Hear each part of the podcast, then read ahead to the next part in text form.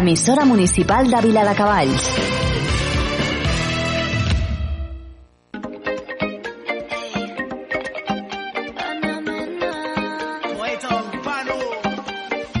Quello che provo io per te.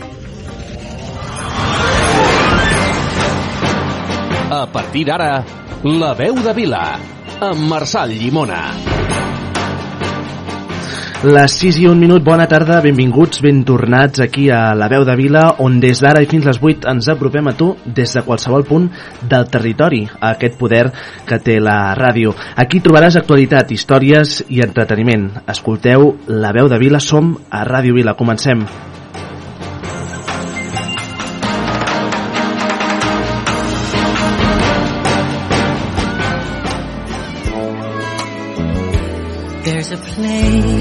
your heart, and I know that it is love. And this place is much brighter than tomorrow. And if you really try, you'll find there's no need to cry. Guerra, lluita armada entre dos o més pobles, entre exèrcits de dos o de més estats.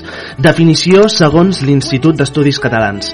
I afegiria, guerra, absència de la raó i fracàs de la humanitat. Una vegada més obrim un editorial explicant una guerra, maleïda guerra. Una guerra que és també un conflicte que ve de lluny. El conflicte entre Israel i entre Palestina. Vagi per endavant que aquest és un editorial amb total vocació pacifista i zero doctrina d'anàlisi. Això ho deixem pels experts en la matèria. Perquè ara notícia i el focus, perquè d'alguna manera ho fixa l'agenda pública, està en aquest atac indiscriminat de Hamas a Israel. Hamas, organització militar i terrorista que busca la creació d'un estat fundamentalista islàmic. Condemnable, evidentment, sense matisos, de la mateixa manera que cal veure a l'altra banda del mur i condemnar amb rotunditat el bloqueig d'Israel sobre la població palestina no només avui, sinó durant tantes dècades, massa sovint, silenciat i amb la complicitat de tota una societat occidental.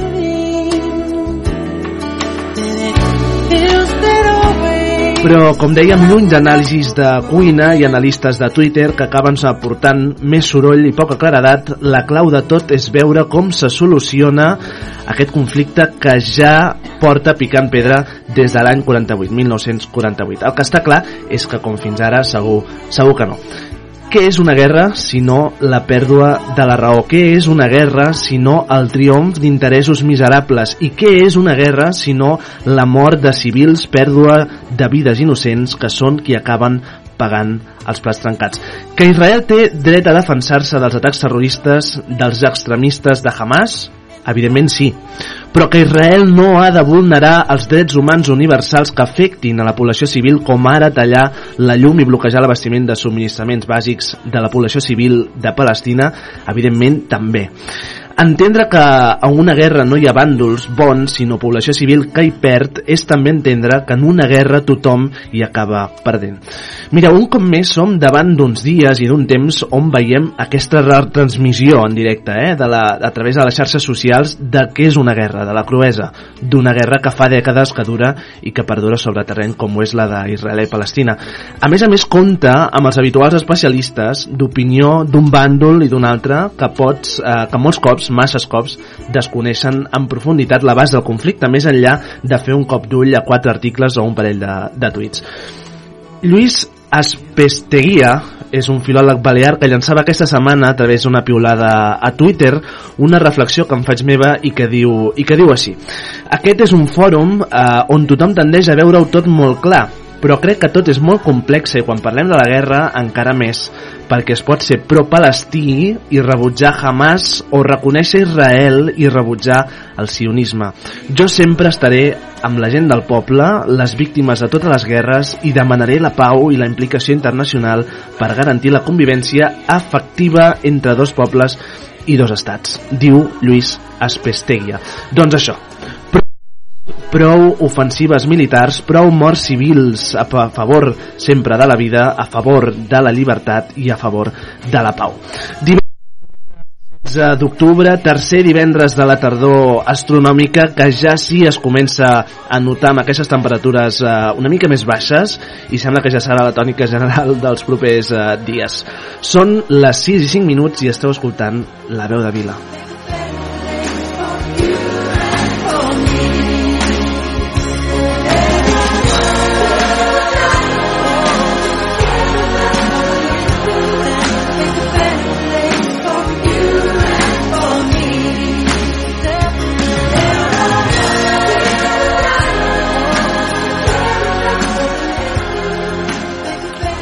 Vinga, 6 i 6 de la tarda, eh, comencem aquest programa, no sense abans saludar als habituals de, que ens escolten des de casa aquests dies, l'Antònia des de Girona, una abraçada per l'Antònia, la família, la Laura especialment, una setmana, una setmana més, una abraçada molt gran per tota la, per tota la família des de, des de Girona. Eh, Antònia, et trobem molt a faltar i crec que ho podem constatar.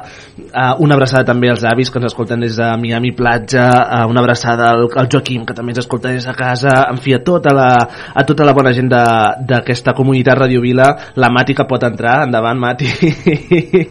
bona tarda, bona tarda, la Mati, uh, bona tarda, Empar, bona tarda. Bona tarda. Com estàs? Bé, Estàs bé? sí, sí. Sí, sí. Estàs cansada, m'has dit avui. Bueno, Aquest els micro- cansats fan la feina. Els cansats fan la feina. Ojo, eh? Això és una bona, una bona manera de començar aquest programa. Mati Segura, bona tarda. Molt bona tarda. Toma, ja, quina, quina energia. Quina energia, eh? no? Bé o no? Molt bé, molt sí? bé, sí. Perfecte. A veure, públic, bona tarda. Bona tarda. Què més, Lluís? Tinguem Què? Pobres, I els rics? els rics rics que els donguin. Vinga, endavant, doncs. A més a més, representen una part molt poc significativa de la societat, per tant, eh, tot i ser un, en horari infantil, ho, ho permetem. Va. Uh, Mati, tenim una cosa pendent avui que ens portes sobre Sí? la taula. Sí, sí, bueno... Ah, no ho farem ara, eh? Ah. Anuncieu, anuncieu. Ho anuncio, sí. Avui comencem la sessió que direm estimada terapeuta Sí. eh, on cada setmana o cada se eh, un psicòleg o psicòloga diferent respondrà a una consulta.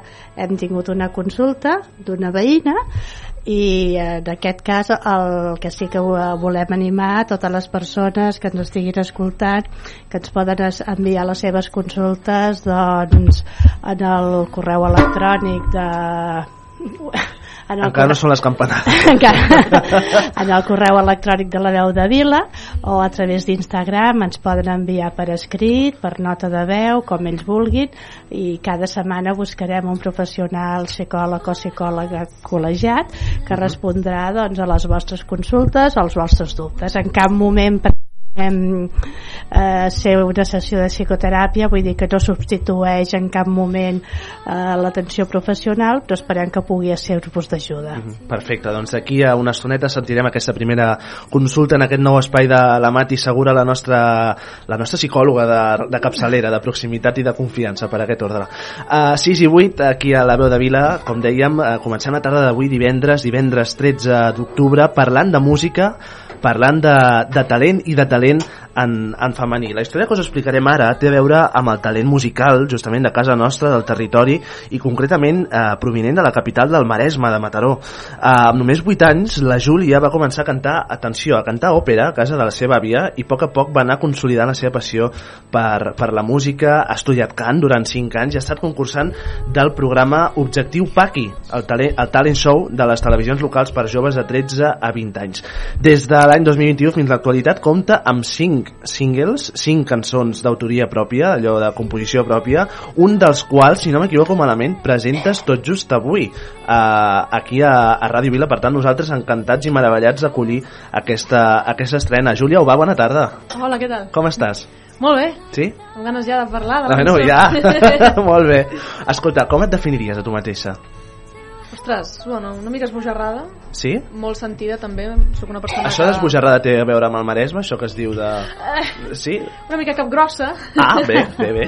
també, sí, i bastant sentimental, bueno, com es pot veure en algunes de les meves cançons. Sí, mm, uh-huh. soc profund, molt... profunda, Exacte. eh? Uh, clar, dèiem, presentes tot just avui aquest cinquè single, uh, Més enllà, uh, es, es diu Més enllà, Sí. uh, composar és la part que més t'agrada d'aquesta no? trajectòria com a, com a músic, com a música? El que més m'agrada, sincerament, és cantar. Cantar. O sigui, abans no sabia composar. He anat com desenvolupant-ho, cosa que jo no sabia que podia. Mhm. És a dir, jo agafava la llibreta, començava bueno, a fer esbossos i, i al final doncs, va arribar un moment en què vaig dir uah, això sona bé, això pot ser una cançó. Clar, quin és el moment en què passa de ser un esborrany a ser una cançó allò, una cançó com la d'avui, no? Aquesta de més enllà. Quan, bueno, ja et dic que els, els fer esbossos i a vegades la majoria de, de frases les acabes tatxant. Jo busco rimes. Jo quan veig rima dic, Vale. això dins. Clar, però això es té o no es té? Però jo, per exemple, no ho he fet mai i no, no, en sabria, no sabria ni per on començar, no? Vull dir, com, com, com va això? Com funciona? És depèn del dia, és tenir la, Ah, inspiració. val. Hi ha hagut dies que dic, mm, ve de gust escriure, i no em sortia res. Hi ha Clar. hagut dies que tenia moltes coses al cap i, i surt sol. Clar, clar, clar, Sí, clar. sí. Clar. clar això és, el Maresme justament és una, una, una comarca no? que té mar, eh, per tant eh, diguem-ne que hi ha aquesta metàfora de que sem, um, la metàfora marinera, no? ara no em sortirà això, eh? però aviam si ho, fa, aviam si ho sé fer bé uh, hi ha la metàfora aquesta marinera que es diu que sempre hi ha un punt, uh, un dia concret per sortir o no a pescar uh, en el cas d'un cantautor d'una cantautora hi ha un dia que és més assenyat per fer o no una música o una cançó, composar Sí, el dia que tens el cap més ple de coses, aquell dia és el perfecte per agafar una llibreta. i començar, eh? Sí. Doncs vinga, feta la metàfora. Uh, justament parlant del, del Maresme, el Maresme és un indret d'aflorar música i art. Júlia, tu què, què diries allò que coneixes bé la terra? Sí, sobretot Sí? últimament. Està havent un boom de cançons, Propostes i a més a més emergents. en català. Uh -huh. Molt, molt significatiu. Important també això. Uh, clar, dèiem al principi, eh, uh, Júlia, als 8 anys comences a sentir que això de la, ja de la música ja, ja va amb tu, no? De fet, uh, dèiem que cantaves ni més ni menys que òpera a la, a la teva àvia. Com, com va això? És que la meva àvia és molt fan de l'òpera Sí. i sempre doncs, posava eh, els seus cantants preferits Ahà. i clar, hi havia cançons que ja me les sabia de memòria i, i la, Ja, I a base de repetir, al final ah, clar, i agafes una, un model i dius, vale, vaig a imitar això. Sí, clar, la meva àvia un, un dia es va quedar flipant, diu, que és ella la que canta? I clar, la meva mare, sí, és ella. Clar, perquè abans em feia molta vergonya cantar-li a ningú. A, a, Clar, clar, clar, Llavors clar. el que feia era posar-me davant de la nevera i cantar-li a la nevera. I a la manera. És cantant de dutxa, practicant de cantant de dutxa, o què? També, També, cantant eh? de dutxa a la nevera... La nevera. No heu escoltat mai això? Vosaltres sí? A la nevera? I canteu a la nevera? No? Podem, pro podem provar. Oh, no, no, una bona manera. És una bona manera. Uh, clar, uh, Júlia, ara corregeix-me, perquè potser no és així, però inicies el teu projecte musical en una època marcada sobretot per la pandèmia del coronavirus, no? Any 2020, 21 sobretot, el 21 llences el teu primer, el teu primer single. Uh, de quina manera vas fer uh, que això no fos un, un impediment, sinó una oportunitat? Doncs jo feia molt de temps que volia treure cançons, el que passa és que no trobava l'oportunitat. I justament em va contactar un, un productor, justament d'Israel, que, que em va proposar doncs, fer una cançó amb mi. I em va, tenia diverses cançons per, i em va dir tria la que vulguis, dic ui. I la vaig escoltar i vaig triar la que és ara Darling. I o sigui, va ser una oportunitat i clar, arrel d'aquí ja vaig veure més o menys com es grava vaig fer contactes i llavors vaig anar seguint i treure una altra, una altra, una altra i bueno, doncs anar I així va començar. investigant Clar, sobretot eh, jo penso en, en l'oportunitat també que, que oferien no? les, les xarxes socials a l'hora també de promocionar contingut, de- d'explicar, de, no? com, com ho vas viure això de, de, no? de promocionar la feina que, que feies no? a través de les xarxes? jo promoció a tope, soc una persona que fa molt d'espam Uh -huh. i sobretot fer servir les xarxes socials que estaven en el, en el seu pic, sobretot Mhm. TikTok i aprofitar una mica Uh -huh. Clar, com diries que, que ajuden, o no, eh? però que, com ajuden la, les xarxes, les plataformes eh, digitals a, a divulgar la música que fas? És a dir, és, és la clau de tot? No és el clau de tot, perquè molts cops eh, és tenir sort, és buscar els contactes concrets. Mhm. Sí que avui en dia tenim molta sort perquè, a veure, mm, ajuda molt, però a la vegada, clar, el fet de que això, les xarxes socials estiguin a l'abast de tothom fa que més gent faci música i clar, Mhm. vulguis o no, és fàcil però a la vegada és més difícil destacar. Clar.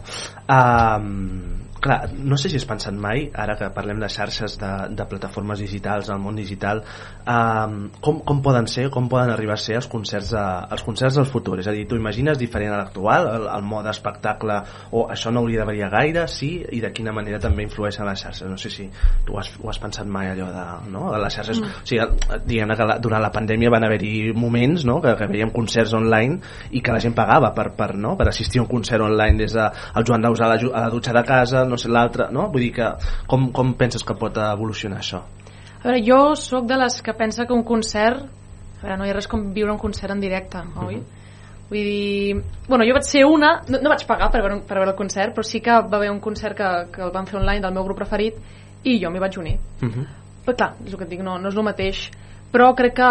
Es pot dir el, el nom del grup preferit? Sí, sí, Stray Kids. Ah, Stray Kids. Mhm. Sí, sí. Hip-hop. Hip-hop, I ok. electrònica. bueno, total, que me'n vaig. És que si començo a parlar d'ells... Ara parlarem. Um, jo veig futur no en el sentit de mm, crec que al revés, és a dir, en el futur no estarem veient els concerts um, a través de pantalles sinó en directe i per exemple el concert aquest de, de U2 que van fer a Las Vegas mare meva coses més immersives més, jo crec que que el futur serà bo Clar, el, el, um, en aquest sentit Clar, clar, no, no, vull dir que també és una, un, són escenaris que a dia d'avui costa també de visualitzar. Segurament si pensem en un concert no pensem a, a tenir una pantalla davant i estar al sofà de casa, no? Perquè també és molt trist l'experiència que dius justament de, de viure, no? Un concert, vosaltres us heu imaginat mai de, de substituir l'experiència a un concert o de fer un concert, la part, la, la Mati, no? Feu, feu música, no? No sé Sí. si ho heu pensat mai allò. Home, eh, si no hagués hagut la Covid, no. Ha ha hagut la Covid i s'ha Això fet. ens ho ha fet sacsejar tot una Mm, mica. Però mm, un concert ha de ser viu. Clar. En part, tu, tu hi coincideixes, eh? Home, jo m'he dedicat molt a la música i a cantar i l'òpera és una de les meves i la música clàssica Mhm. són les meves predilectes Mhm. m'he pujat moltes vegades a un escenari i, però la meva vida no, no em va permetre estudiar i bueno, no m'he pogut dedicar professionalment Uh, Júlia, explica'm què és la música per tu. la meva, bueno, està mal dit en català però via d'escape La teva via d'escape. Sí, sí, sí, la forma en la que si estic trista, m'anima. Si estic feliç, m'anima més.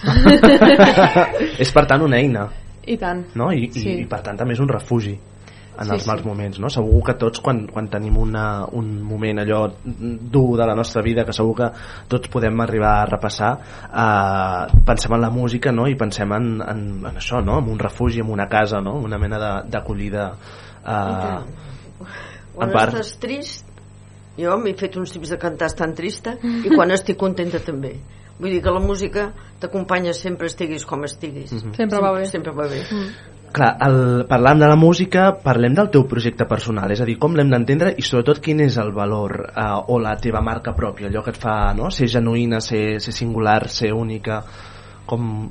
És difícil Uh -huh. trobar la teva marca pròpia. Um, he de dir que encara no l'he trobat al 100%, però sí que Mhm. m'estic començant a, a conèixer i el que sé és que no vull vendre coses comercials, vull vendre coses que a mi m'agraden. Hi ha hagut gent que ha dit, mira, aquesta cançó mm, no sona molt comercial, però a mi m'agrada. Mm, M'han dit de canviar-la, però no... Vull dir, jo el que no vull és canviar mai. Uh, en aquest sentit, per vendre més. Jo, si faig la música que a mi m'agrada, doncs ja sóc feliç. Bueno, i si agrada a la gent, també. I si encara algú... doblement feliç. Sí, si hi ha gent que no, doncs és el que hi ha. No Clar, a, a tu ara tens 20 anys, uh, no sé com et veus d'aquí a, no sé, d'aquí 10 anys, amb 30. Amb 30, uh! Si tot Home, arribarà, arribarà això, Sí. eh? Amb el carnet de conduir, si us plau. um, bueno, jo sempre assumio molt alt. A mi m'encantaria arribar als, als pics. Vull dir, el fet de cantar en un concert on la gent se sàpiga la lletra de les meves cançons, Uh -huh. que em conegui, que li faci il·lusió que li firmi coses, o fer feliç a la gent en aquest sentit. Uh -huh. I que tingui una reciprocitat. Exacte. Jo m'encantaria un Palau Sant Jordi, jo és que... Omplir un Palau Sant Jordi, eh? Júlia omplint de el bo. Palau Sant Jordi. Tant Mira, de ho bo. apuntem i potser d'aquí 10 anys vindrem, no? Esperem que venim com a... Potser la de Vila existeix d'aquí 10 Fa anys també. Tu imagines que existeixi encara? Mm, esperem que sí, no? Esperem que sí. sí. Esperem que sí. Uh, clar, t'hi vols dedicar professionalment a la música? Sí, si Sí, pogués eh? només dedicar-me a la música, ho faria. Ho faràs o ho faries? Ho faria. Ara, clar, a part estic estudiant, tinc com doble carrera. Uh -huh. Eh, és el que li comentava abans Clar. a l'Empar, que és que sempre he de tenir una... s'ha de tenir, bueno, almenys jo, Mhm. una segona opció, que estic estudiant alguna que també m'agrada, i, i així doncs puc fer les dues coses. Però et dic que la, si la vida em va bé i la música em dóna per viure, Déu! Clar. Claríssim. Clar, per, a nivell d'agenda de concerts, Júlia, on et podem trobar, on et podem seguir uh, propers mesos, aquest últim trimestre de, del 2023? Doncs vaig fent concerts locals a les meves... Bueno, sobretot al meu Instagram vaig Sí? anunciant tot. Val. Per exemple, aquest diumenge canto a Cardedeu. Uh -huh. Eh, el mes que ve canto a un bar gay a Barcelona. Uh -huh. em, em veuràs en restaurants, en, en teatres, en llocs una mica diferents, Mhm. però jo, jo tota experiència, tota um, proposta, jo, T'obres si, a- si segueix els, Ahà. meus, els meus criteris i tot, jo m'hi apunto. És a dir, jo m'apu- m'apunto en bomba, que diuen. això està bé, això està bé. Uh, escolta, uh, per tu fer música què és? és de les coses que més m'agrada a part de menjar i dormir M'a- m'agrada molt, vull dir sobretot el fet de, de no només es- escriure sinó produir, cantar, és que el fet de treure veu Uh -huh. sobretot quan, sobretot quan estàs sola m'agrada molt quan emociones a la gent però quan estàs sola en el teu món amb els teus cascos i poses a cantar és una sensació que bueno, sí, soc una persona que estic cada dia amb els pèls de punta sempre estic emocionant-me Se t'em- T'emociona ràpid, eh? sí, Uh -huh. sí, sí I és complicat emocionar-se cantant, eh?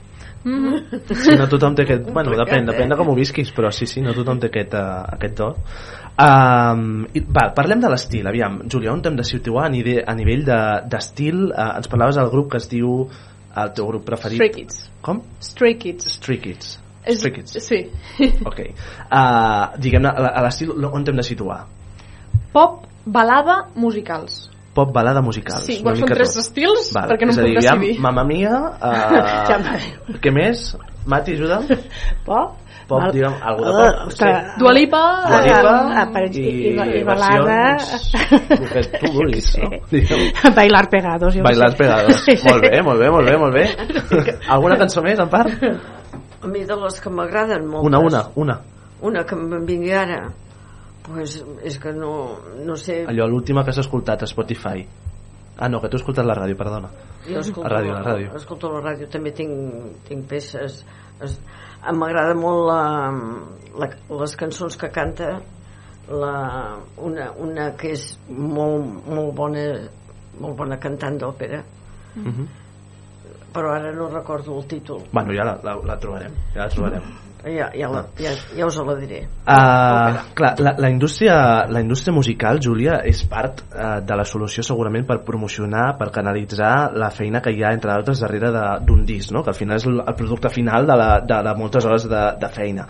Però aquesta indústria, justament, també uh, pot ser una nosa per això de, no, no? per la, les imposicions a vegades de segons quines condicions, de, no? és a dir, perd llibertat amb una, amb una indústria, amb la indústria de la música, diguem.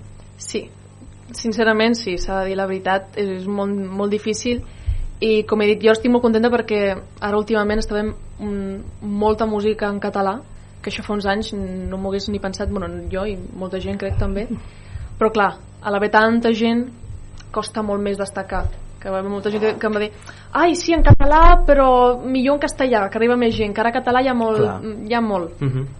És, és, és bastant complicat Aviam, part, demana paraula. m'agrada molt la Sara Bigman Ah. Sara Bigman canta cançons mm, de, de clàssiques i d'òpera però també canta popular.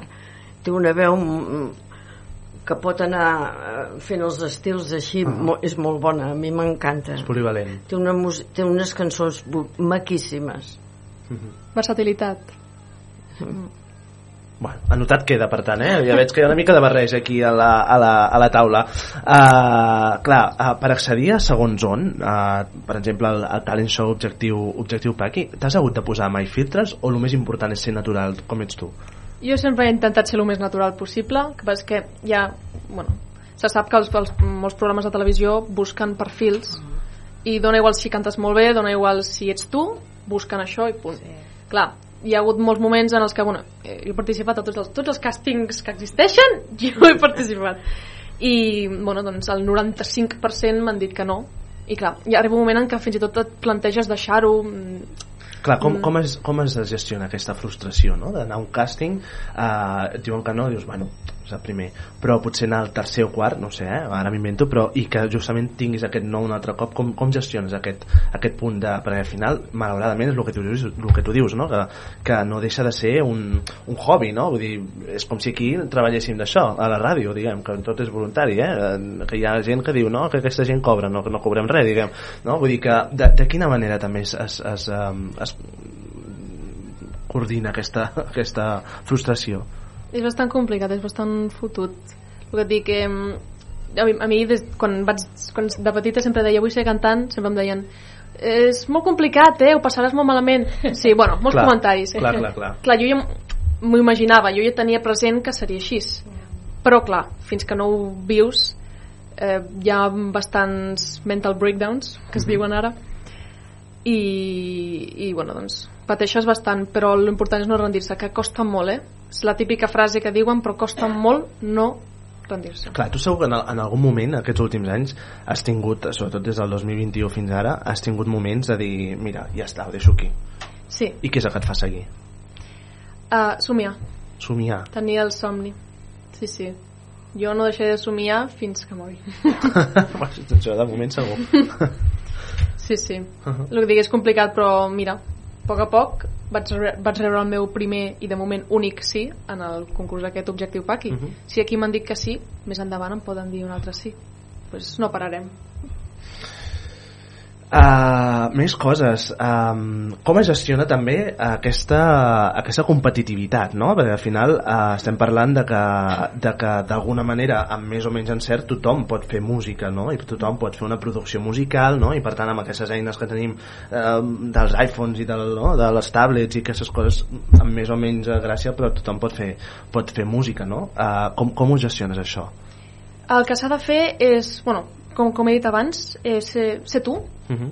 però el fet de ser tu ja t'ha de fer destacar. És a dir, no has de deixar influenciar, influenci... influenciar-te Ah, exacte, gràcies. per les modes o pels de més clar i, i esta, intentar doncs, destacar amb, amb, amb les lletres i vulguis o no molta gent és cantant ara però jo valoro bastant el talent és a dir, no només una cançó que es pot fer xumba-xumba i es pot ballar sinó una cançó en la qual la lletra tingui un sentit uh -huh. i que sigui maco, que no parli de... I jo és que estic sempre molt pendent de les veus. Aquesta persona canta bé, m'agrada. Aquesta persona no canta bé. Jo és el que busco, eh? Vull dir, per mi una persona pot triomfar i destacar si les lletres són maques, si tenen un sentit i si la persona de veritat té un talent. La gent afina, en general? és una gran pregunta, eh? Alguns sí, alguns no. Val, deixem-ho així, ets molt elegant. Uh, Mati, Empar, coses. Bueno, és que jo ja li he fet preguntes abans de començar. Molt bé, està molt bé.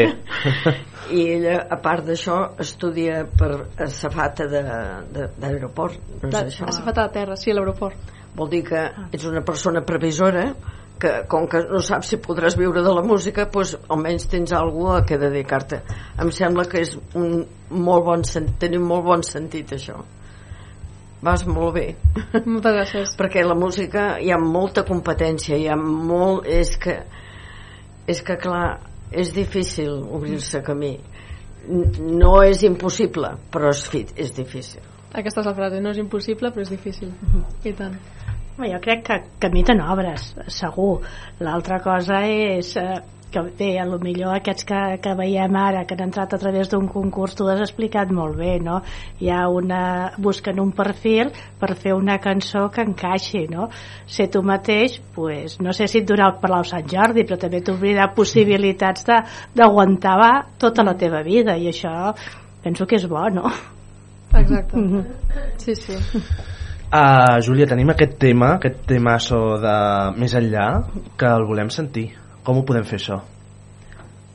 Jo he escalfat, jo vinc preparada. Sí? Sí. Com ho fem? Ne- Necessites alguna cosa a nivell tècnic que puguem fer? Ah, ah, així, així, a capella, tal qual. Sí? No, no, com, com tu diguis. Sí? Et va bé fer-ho a capella? Sí, si no, Sí? La, la base de fons, bueno, la, la cançó de fons. Sí? O... Pues podem fer. Sí. Uh, Empar, Què? Explica'ns què fas aquest cap de setmana. Aquest cap de setmana eh, estic eh, convidada a un compleanys del meu germà. On? a, a Mata de Pere el, el però no, no, no me'n recordo de com es Mata de Pere. Sí, Mata de Pere. Està molt bé. Bueno, de... El celler, el celler de Mata de Pere. Mira, fa molts, molts anys que conec a l'Empart i ara sé que té un germà, veus? Veus?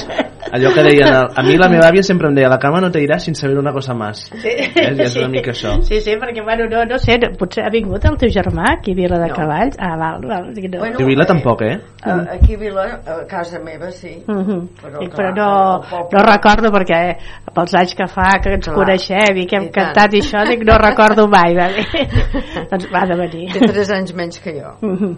Va, doncs fem una petita pausa i escoltem a la Júlia aquí en directe aquest tema que presenta avui, que és Més enllà. Fins ara.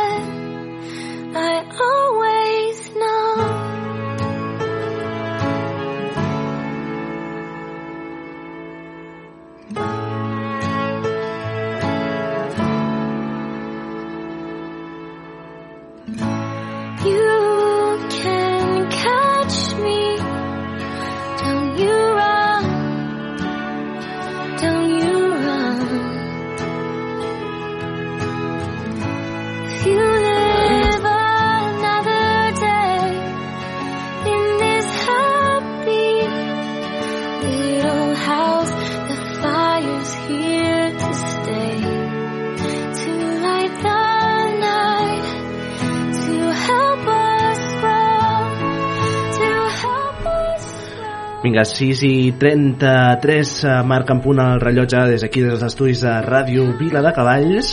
I tenim ja aquí a la Júlia Ubà preparada per aquest nou single que estrena avui i estrena de fet amb, amb la primícia, amb l'exclusivitat de Ràdio Vila de Cavalls aquí amb nosaltres. Més enllà aquest nou tema de Júlia, de Júlia Ubà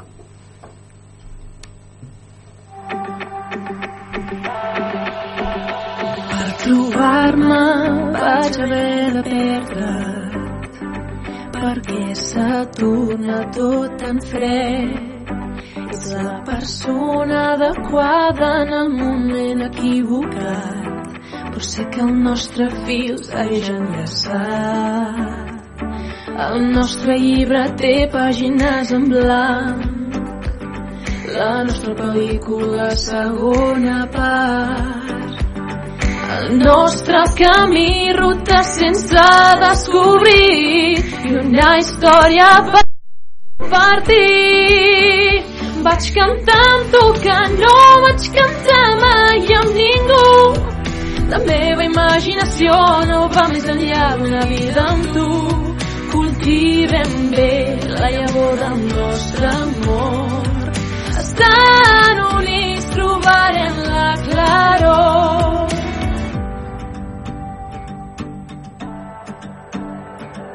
Després de tant de temps segueixes sent tu la figura de llum que il·lumina fins Neptú. Potser el destí ens ha trencat per poder encaixar millor junts i jo amb tu puc creuar mil mons. El nostre equip guanyar tots els partits. El nostre exèrcit venç totes les guerres. El nostre amor derrota a la por i algun dia sonarà el despertador. Vaig cantar amb tu que no vaig cantar mai amb ningú. La meva imaginació no va més enllà d'una vida amb tu. Cultivem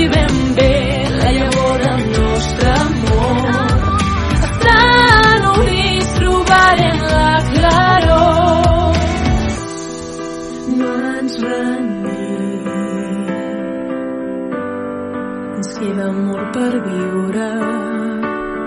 Estaré aquí per si tornes estimant-te de totes les formes.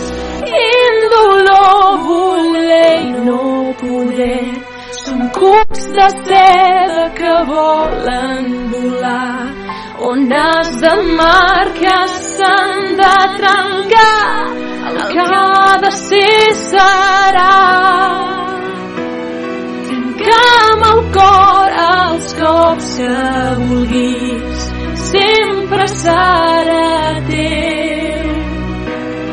El tacte de la teva pell contra la meva no té preu mai un adeu total la connexió és immortal és el roc que mou la meva vida.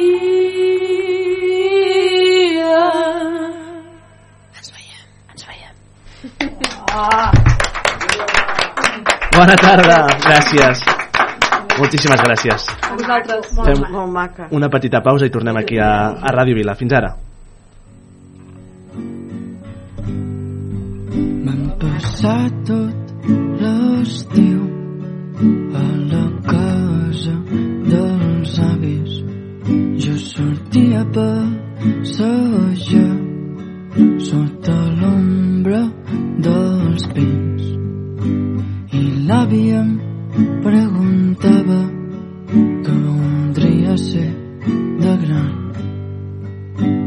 i jo li explicava que voldria ser de gran.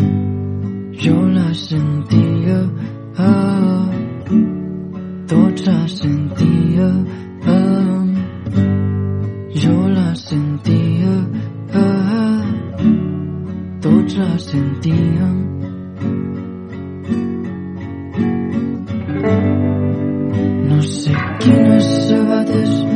Posar-me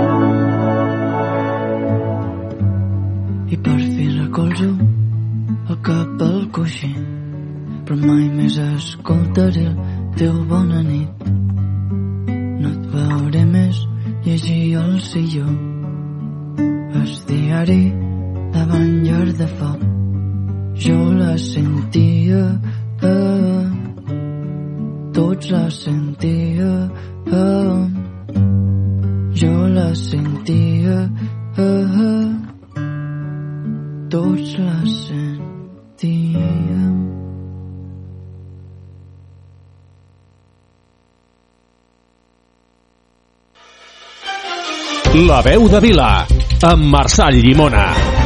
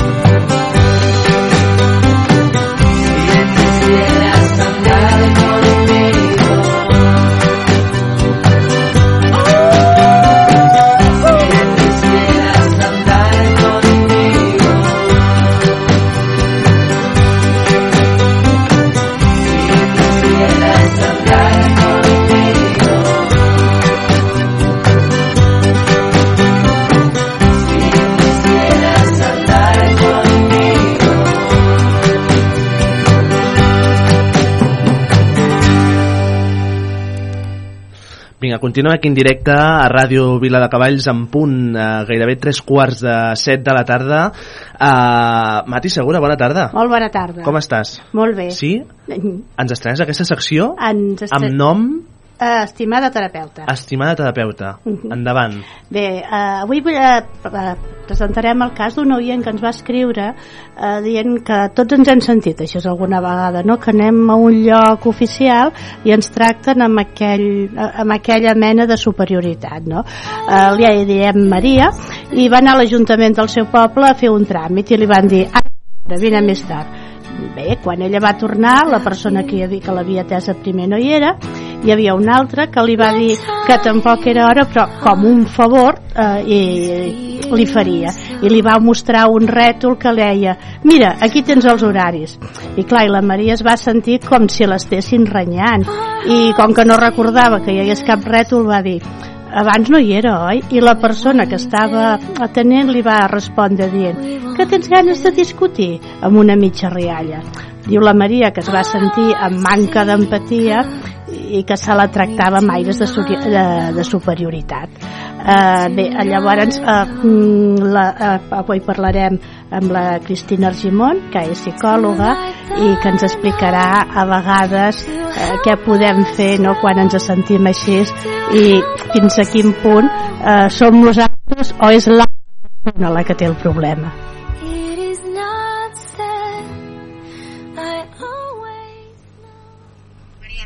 És una situació agradable, ja que no és plat de bon gust, no? En el fons, Perdó. Coses al directe, no passa res. Endavant, endavant. la Cristina Argimon, psicòloga de l'IESP. Maria, entenc que no va ser una situació agradable, ja que no és plat de bon gust, no?, en fer una gestió i que et tractin de forma injusta. I a més hi ha moltes vegades que, que aquest tipus de tracte ens afecta, no?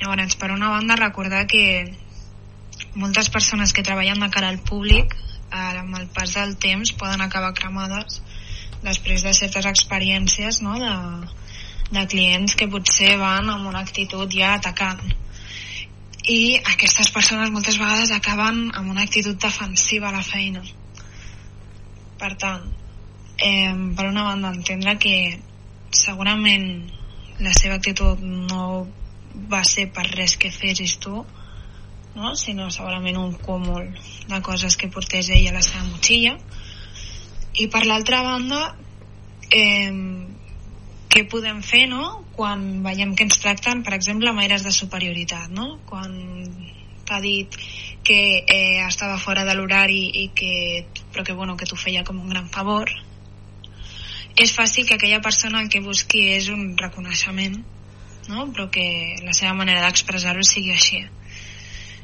eh, en aquesta situació que podem fer doncs, quan veiem que ja ens comencen així donar les gràcies, no? reconèixer-ho i així potser baixem el seu grau de defensivitat i per l'altra banda no? al final de tot ja quan et diu que si vols discutir aquí sempre que puguem intentar respondre de forma assertiva és a dir, mira em sap greu mm, no he vingut de forma atacant jo l'únic que vull és fer aquesta gestió i t'he dit lo dels horaris perquè la teva companya d'abans no m'ha dit simplement m'ha dit que vingués més tard no? i no m'ha dit res de cap horari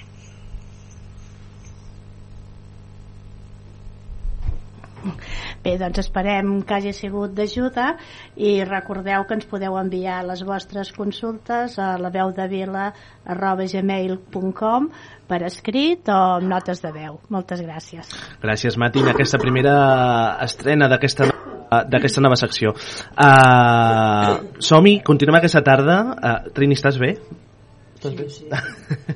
uh, mira, jo et dono una aigua aquí gratuïtament eh, pel preu de, de, de venir aquí. Uh, continuem aquesta tarda. Posem ara el focus en el, del debat, uh, posem el focus del debat a, al públic. Un segon. Ara el públic, aviam. Anem a veure un moment com està el públic. Esteu bé? Molt bé. Sí? Tot bé, Carme? Sí, i tant. Divendres? Bé. Trini, tu estàs bé? Sí. Aquest és el sector tos, eh? El sector l'esquerra. Una mica. Ui, allà dins també, em sembla. els aires. Dolors, estàs bé? Molt bé. Mira, doncs aquí en directe també jo t'apago l'aire perquè fa una mica de fred ja. No? No, no però ja l'apaguem perquè ja no... Eh, és al començar, quan entres a un lloc que hi ha... I em pensava que era una al·lèrgia i no em van dir que no. I em van dir això és que vaig dir, però m'heu fet les proves i no em surt. I em van dir, és que hi ha al·lèrgies que no sabem de què són. Vull dir, aquesta és la solució que em van dir, perquè quan entro, quan entro en un lloc que d'això, aquelles pessigolles al coll, o estornudar, que a vegades em dono per estornudar, Canvis de... canvis de temperatura. Canvis de temperatura i canvis de temps que ara ja s'apropen per fi i per tant això voldrà dir Després t'explicaré el que és. estar constipat. bueno, no t'ho solucionaré. vull Bueno, en tot cas, donar eines. Donar eines. Va, ara sí, continuem a, aquesta tarda, són eh, doncs les eh, 7 menys 10, eh, continuem aquesta tarda posant el focus ara eh, del debat eh, la, a la salut mental. Segons l'Organització Mundial de la Salut, una de cada quatre persones patirà un problema de salut mental al llarg de la seva vida, el 75% dels quals comencen abans dels 18 anys. Amb la pandèmia de la Covid-19, la problemàtica de la salut mental, aquest tema de la salut mental es va accentuar entre la població posant el debat a l'agenda pública. Un debat, però, que ha estat silenciat segurament eh, durant molts anys, fins i tot eh, resultant un, un, tema, un tema tabú. Això ho parlem la setmana en què hem commemorat el Dia Mundial de la Salut Mental el dia 10 d'octubre. Eh, per trencar silencis, però sobretot per trencar estigmes i generar una consciència col·lectiva i sensibilitzar. Eh, parlem amb dues persones, amb dos testimonis directes, familiars de persones eh, doncs, que pateixen una problemàtica de, de salut mental. Comencem amb la, la Maria Barceló, aquí ja tenim l'estudi. Maria, molt bona tarda. Bona tarda. Com estàs? Bé. Ben tornada. Sí, ben trobat. T'hauràs de posar el micro just davant, que si no no et sentirem, i seria un greu que no et sentíssim. Ara. A veure, bona tarda, Maria. Bona tarda. Ara sí, perfecte. Uh, què és la salut mental, Maria? Com ho definiries? Ostres, és molt difícil, eh? Més que res perquè dintre de la salut mental hi ha un ventall de possibilitats tan gran com persones hi ha en el món, quasi bé. Llavors la salut mental és quan un, jo penso, no, no és capaç de comportar-se de la manera justa o que nosaltres pensem que sigui justa, no? I es comporta de maneres diferents. Però mm, és molt complicat poder fer un, una definició de què és salut mental perquè per exemple una persona que és esquizofrènica doncs té un, un problema de salut mental Uh -huh. O una persona que és down també té un problema de salut mental i aquí tu podries fer unes defini definicions, Definicions, clar, clar. molt concretes però persones que tenen problemes comportamentals o problemes eh, diferents també tenen problemes de salut mental Mhm. però no entren dintre la mateixa definició d'aquests altres no? es pot dir quan el cervell no no, coor, no co- co- coordina Coordina. coordina bé Sí, del sí, sí, tot sí.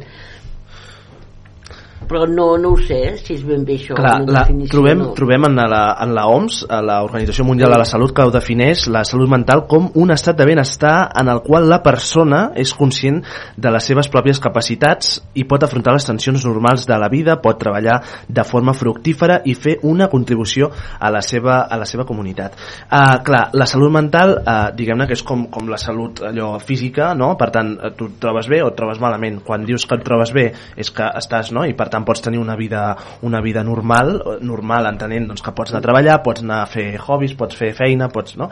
Uh, I quan et trobes malament, igual que quan tens un dolor físic al genoll no et pots aixecar a vegades del llit, doncs quan tens un problema de salut mental, a vegades tampoc et pots aixecar del llit. Això és així, Maria. Sí, sí, penso que sí. Però és que a part d'això, eh, crec que hi ha molts graus dintre d'aquesta salut mental, Clar. no? Perquè, per exemple, una persona que tingui problemes, doncs posem d'esquizofrènia, Mhm. jo crec que una persona així es pot portar una vida meravellosament Clar. normal Clar, clar, clar, clar. i pot fer tot el que creu que ha de fer portant doncs, una medicació Clar. i així malgrat tingui un problema de salut mental Clar, també què vol dir, no? Perdona, el, el, el, el terme normalitat, no? Perquè, Claro. perquè també potser podem eh, etiquetar-ho, si és que ho hem etiquetar, com a diversitat, i per tant parlar de la diversitat de les persones i conèixer també que hi ha moltes normalitats, no? tens tota la raó amb això i més que res perquè jo penso sobretot en els nostres nanos quan dius no, no, no raonen de manera normal no raonen de manera normal segons nosaltres però potser per ells és la cosa Clar, més normal com clar, raonen clar, clar. llavors doncs, aquí s'ha d'anar mirant eh, tu posar-te de la seva manera de raonar Clar. que és sempre molt difícil no? Mhm. Clar, la Maria, la Maria Barceló, acompanyada de, de Marisol de la Marisol eh, que també en algun moment eh, eh, intentarem també parlar, parlar amb ella eh, són eh, membres de l'associació de, de familiars d'afectats per trastorns de, per conducta la que es coneix com la FATRAC eh? la FATRAC és aquesta associació com dèiem de familiars afectats per, per trastorns de, de conducta eh, clar, sovint eh, sovint es parla de, de les persones que pateixen no? un problema de, de salut mental aquestes primeres persones no? eh, un trastorn eh, però darrere no? eh, que moltes moltes vegades, molt sovint queda molt invisibilitzat, no, no sé si esteu d'acord, hi ha, eh, en fi, hi ha tota una família i tot un entorn, no? Eh, I sovint, com deia, quedeu, quedeu eh, invisibilitzats. No sé si ens vols explicar una mica el, el teu cas, Maria, per començar també a contextualitzar. Bé, sí, el meu cas, doncs mira, jo eh, vivia a Itàlia, el 2009 es va morir el meu germà i el 2012 la meva cunyada va deixar tres criatures Uh -huh. i llavors doncs, jo vaig venir d'Itàlia cap aquí per cuidar-me d'aquests nanos que ha sigut una cosa meravellosa perquè he pogut ser mare malgrat doncs, no, no ho havia sigut Uh -huh. no? llavors doncs, el més petit doncs, va començar a tenir algun problema de salut mental Uh -huh. eh, i aquí és on, on van començar els problemes Uh -huh. eh, com ajudar-lo, què fer vivim en una societat que això potser ara una mica menys però fins, fins ara era un tabú totalment vull dir no es podia dir, les famílies no podien dir que tenien una persona amb problemes d'aquest tipus perquè mm, eren mal vistes. I llavors doncs, va començar el nostre calvari o diguem-li com, com vulgueu de buscar eh, eh, recursos per a aquestes persones. I llavors ja farà eh, farà 7 o 8 anys ens vam trobar 10 famílies i vam dir hem de fer alguna cosa pels nostres fills Uh -huh. i ara som 300 famílies La FATRAC són 300 famílies, aquesta associació de familiars, eh? Són 300. vam començar que érem 10 i d'això farà 8 anys una Mhm. cosa així, i ara som 300 i aquí també doncs, el ventall de problemàtiques és molt gran hi han des del TDA, des del SAP tot això, però totes diguéssim, el que ens uneix és aquest trastorn de conducta dels nostres fills que és el que ens crea més problemes Uh -huh. i una de les grans coses és que la societat la societat no està preparada per tenir eh, aquest tipus de malalts no està preparada, ni molt menys potser ara comencen a entendre alguna perquè potser està començant a canviar una mica el llenguatge Mhm. que s'utilitza per aquests eh, problemàtics però no, no hi ha res ni la justícia, ni la sanitat Clar. ni afers socials i famílies no hi entenen res i no hi ha res I per què, ells. per què això no passa? És a dir, per què no hi entenen? Què, què hi falta? pues falta tot Especialistes. Sí, falta segurament, per començar, metges o psicòlegs que entenguin aquesta problemàtica d'aquests nanos, Mhm. vale? perquè no els entenen. I com que no els entenen, els emboteixen de pastilles, que és l'última cosa, perquè no, no sempre han d'anar amb pastilles, Ahà. i els nanos doncs, no se senten... No, no, no estan entesos, no Clar. estan entesos. Després, buscar feina és impossible, ningú Clar. els hi donarà feina, buscar un lloc per evitar que ningú els hi dona res, ningú perquè són, diguéssim, són delinqüents, no? La gent normal els té per uns delinqüents. Clar, el, um, I certament, si no es fa res, són els futurs delinqüents de la nostra societat, eh? Clar, clar, dir, clar. això segur. Clar, hi ha, hi ha diversos, eh, diversos temes que, que vull comentar, Maria, que un, un per una banda eh, deies no? que potser ara la, la societat ja està canviant i potser entén una mica més no? la, la problemàtica de, de la salut mental i, i potser no jutja tant com es feia abans. No? Um, això és un primer pas. Però per altra banda, uh, l'altre llegia una reflexió que deien uh, que, que, no? que, que sí que és veritat que hi ha més consciència, que la gent ja comença a entendre més què vol dir això de la salut mental, de tenir un problema de salut mental, però però, eh, per exemple, eh, posant-ho a la patologia de la, de la, de la, de la depressió, no? amb una depressió, eh, la gent entén, no? majoritàriament entén que tu puguis estar trist no? eh, durant una temporada, però quan ja no es, eh, quan això es cronifica no? i per tant no surts eh, potser tan ràpid com una altra persona que té una salut mental de ferro i normal eh, doncs, eh, doncs eh, no pot entendre-ho eh, eh, aquestes persones queden com en l'oblit no? queden com de banda perquè, perquè en fi, mira, no, fan, no, no, no hi posen de la seva part no? això passa, eh? Sí, això passa, perquè vulguem o no vulguem, tots els que no, no responen com respon la majoria, Uh -huh. estan etiquetats d'una altra manera. clar Tu pots suportar un que tingui una depressió per un any, dos anys, però si és un que té una depressió sempre, ja és considerat un malalt, vull dir, considerat una persona malalta. i per tant se la racona Se la racona perquè està mal, ui, aquell està malalt. clar No? Llavors, doncs, això és el que no hauria de ser. Però és. Uh, T'hem sentit dir en algunes entrevistes, en algun fòrum de, de debat, Maria, uh, especialment, que la presó no és lloc per als nostres fills. No. La presó no és el lloc, perquè la presó, eh, en lloc de... Bé, per començar, els nostres nanos no són delinqüents, vale? són malalts. Llavors, qui va a la presó hauria de ser un que delinqueix, vale? o sigui, si nosaltres ja prenem, partim del fet de que els nostres nois o noies no són delinqüents, senzillament estan malalts, Uh -huh. ja només amb això la presó no és el seu lloc. Qui ho diu que són delinqüents? Això és un altre tema. la societat, els jutges, els, els, tothom els té per delinqüents, i no ho són.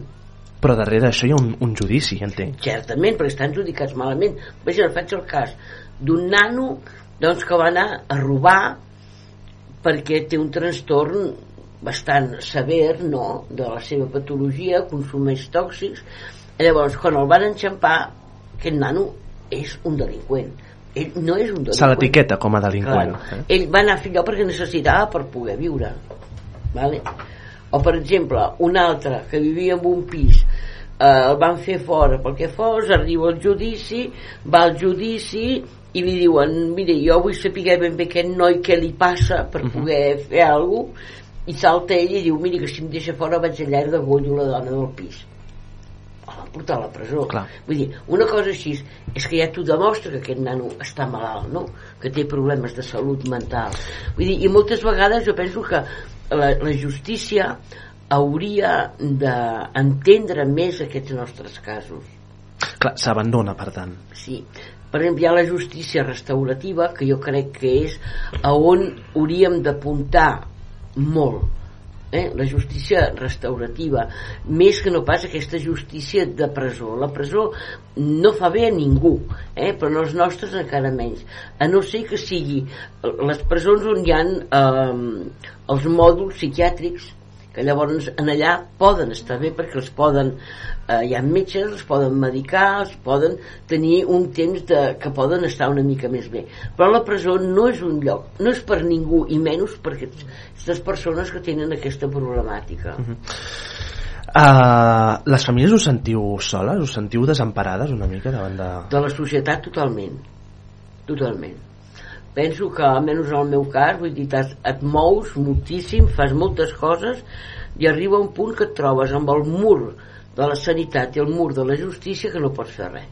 Llavors quan arribes aquí dius bueno mira l'abat siga Déu que sigui el que Déu vol perquè aquí ja no pots fer res hi ha un mur de justícia i un mur de sanitat que t'és impossible tu surpassar-lo Maria, tu com a membre de, de l'associació de, de familiars, uh, què els hi demanaríeu? Què els hi demanaries? Què els hi demanaríeu a, en fi, l'administració més propera, uh, ja no un ajuntament perquè no té potser les competències, però sí el, el govern de la Generalitat de Catalunya, el govern català, en matèria de, de salut mental. Potser falta inversió o, o què, què els hi demanaries? Mira, nosaltres ja fa un parell d'anys vàrem fer el que diem les cartes als Reis. Uh -huh. Que si vosaltres I on ha quedat voleu- aquesta carta? Aquesta carta, si voleu, podeu anar a la, a la web i hi són. I aquesta carta als Reis va estar presentada a totes les conselleries, eh? Justícia... Per tant, una cosa interdepartamental. Sí, sí, totes. Perquè i demanant el que eh, nosaltres creiem que estaria bé per aquests nanos. Vale? Jo penso que una de les coses més importants de totes, eh, potser la més important, és que s'haurien de crear eh, tipus aquests equips guia que s'han creat però potser d'una- D'acompanyament, eh? d'acompanyament que aquests nanos tinguessin un referent únic no? en quant a justícia en quant a sanitat en quant a benestar social que si passa alguna cosa sigui aquesta persona que els acompanyi en aquests llocs perquè no aquests nanos es troben que amb, ara van amb un, ara van amb un altre ara un els diu una cosa, ara l'altre diu i ells mateixos no s'entenen. Hi ha nanos que tindran potser 8 i 9 eh, judicis per fer això és impossible que cada un d'aquests judicis hi hagi un abogat diferent hi hagi un, un forense mm. diferent hi hagi un jutge diferent Clar. perquè és sempre la causa sempre la mateixa Clar, Maria, tu dius, uh, la, la, els nostres nanos, no? els nostres fills, uh, se'ls uh, se etiqueta com a delinqüents quan no ho sí, són. Uh, com explicaries a algú que no és delinqüent? Uh, allò, a ulls de la societat, com, com ho explicaries? amb ells mira, jo et faré una, un exemple molt, molt d'allò a vegades a mi em diuen deixa-la estar aquest, que no sé què, que no sé quantos, deixa'l córrer, que no sé què. I llavors jo els dic, si fos el teu fill, què faries? Canvien completament. La persona amb qui estàs parlant canvia completament, callen. No? Perquè és molt fàcil d'adjudicar una altra persona, adjudicar un altre ésser i eh, etiquetar-lo de vés a saber quantes coses. Però al moment que aquesta persona et posi i et diu i si fos el teu fill? L'altre calla. M'entens? perquè són nanos, que és veritat, si tu te'ls trobes molts d'ells al vespre, Uh -huh. tu te'n vas a la cera del davant per no trobar-te'ls, eh? Clar. És així. Però són nanos maquíssims. S'estigmatitza, per tant. Sí, molt, molt. Són nanos maquíssims. Jo n'he tingut molts a casa meva. I nanos que, que vull dir, si els trobes pel carrer, no fa pas molt, vaig tenir-ne un dos dies, i al cap de 4 o 5 dies una veïna em va dir però qui era aquell que sortia de casa teva? Tot així, però Comentari era? típic de, de fer sim la bata, eh, després. Sí, de qui era? Llavors li vaig dir, pues mira, és un nano maquíssim, té algun problema de salut mental, però és un nano maquíssim, no perquè el vegis tatuat fins a dalt de tot, un piercing, o vestit una mica així. Són nanos maquíssims, jo amb ells a casa meva mai he tingut problemes, al contrari, n'he tingut sempre molts i saben que tenen la porta oberta Mhm. a casa meva però és que som d'una manera la gent que estigmatitzem tot el que és diferent de nosaltres tot el que pensa diferent fa por. eh, eh, fa por el que no es coneix fa por Clar, el, eh, Maria, dèiem, el, el govern de la Generalitat ha impulsat des de l'any passat el Pacte Nacional, aquest Pacte Nacional de Salut Mental, no? que aglutina justament tots els departaments, professionals, entitats i, i, primera, i primeres persones. És un primer pas, segurament no l'únic. Eh, no sé com ho veieu les famílies, aquest, eh, aquest pacte. Vale. aquí és una cosa molt bona molt positiva però pels nostres no serveix per res els nostres no entren dintre d'aquests pactes estan completament fora Per què? perquè són molt problemàtics són molt sí, problemàtics Són casos complexes, són vols casos dir? molt complexes i llavors doncs, no entren a dintre d'aquest pacte no, no hi ha res per ells precisament ara tenim el problema que en tenim dos o tres Mhm. un sortirà de la presó l'altre ja ha sortit i està en, una, en, una, en un pis que ha hagut de canviar perquè no el volien que no sabem on posar-los perquè no hi ha absolutament res per ells eh? res i la seva perspectiva és el carrer i ara doncs estem buscant eh, un terreny algú que ens cedeixi o que ens llogui un preu una mica així i allà posar-hi rolots perquè cada un tingui una casa que almenys no hagin d'estar al carrer perquè ni l'administració ni res, ningú ens ofereix res. O sigui, hem arribat a la conclusió que si necessitem alguna cosa ho hem de buscar nosaltres. I ara estem buscant doncs això terrenys on posar 3, 4, 5 rolots que cadascú tingui casa seva perquè després la convivència entre ells no sempre és bona eh? també ho hem de dir-ho són casos, casos realment molt complexes i aquí doncs cada un tindria la clau de casa seva es podrien fer companyia i no haurien d'estar al carrer Clar. I aquesta és la solució que se'ns ha vingut ara Clar, si algú té un terreno dieu. farem, farem una crida, farem una crida. Uh, Maria, en algun, altre, en algun altre fòrum de debat també t'hem sentit dir que els nostres fills són uns indesitjables per la societat i els hem de buscar, els hem de buscar un lloc, justament per aquesta línia que, que comentaves, no? Uh, de quina manera explicaries com evitar, uh, o directament, com evitar caure en l'estigma? és molt complicat és molt complicat molt, molt complicat o una persona té dintre seu la capacitat doncs, de, de mirar l'altre com a persona no, no com no per el que és sinó llavors no, no caurà mai amb l'estigma amb l'estigma. Però en la societat en què estem està tot tan estigmatitzat. No estem preparats. no, jo crec que no. Per ara encara no estem preparats. Marisol, no sé si vols... Uh, acosta't, acosta't. Marisol, bona tarda. Bona tarda Estàs bé? a tothom. Sí, Sí? Clar, escoltaves la Maria eh, i anaves dient que sí amb el cap. Eh, no sé, tu, tu com ho vius, allò, en primera persona? bé, jo sóc mare adoptiva Sí? d'un noi que també té problemes de salut mental Mhm. i a més a més s'hi ha afegit les addiccions que això és un altre dels problemes un que poden eh, afegir-se Mhm. a les eh, malalties mentals aleshores doncs jo per exemple he fet el que he pogut, el que m'han aconsellat Mhm. però sempre hi han opinions diferents amb aquestes, amb aquestes amb malalties mentals que jo jo sóc pneumòloga de base Sí. i ara estic jubilada i llavors nosaltres quan eh, una malaltia no encaixa amb, la, amb, amb el tipus de malaltia Mhm. en diem malaltia rara mm? potser igual els psiquiatres, no ho sé, igual dic una bajanada, però apunto aquesta possibilitat. Els, eh, el que és la sanitat, i sobretot a, a nivell de psiquiatria i a nivell de psicologia, potser hauríem de fer un apartat de alt- malalties mentals Mhm. rares.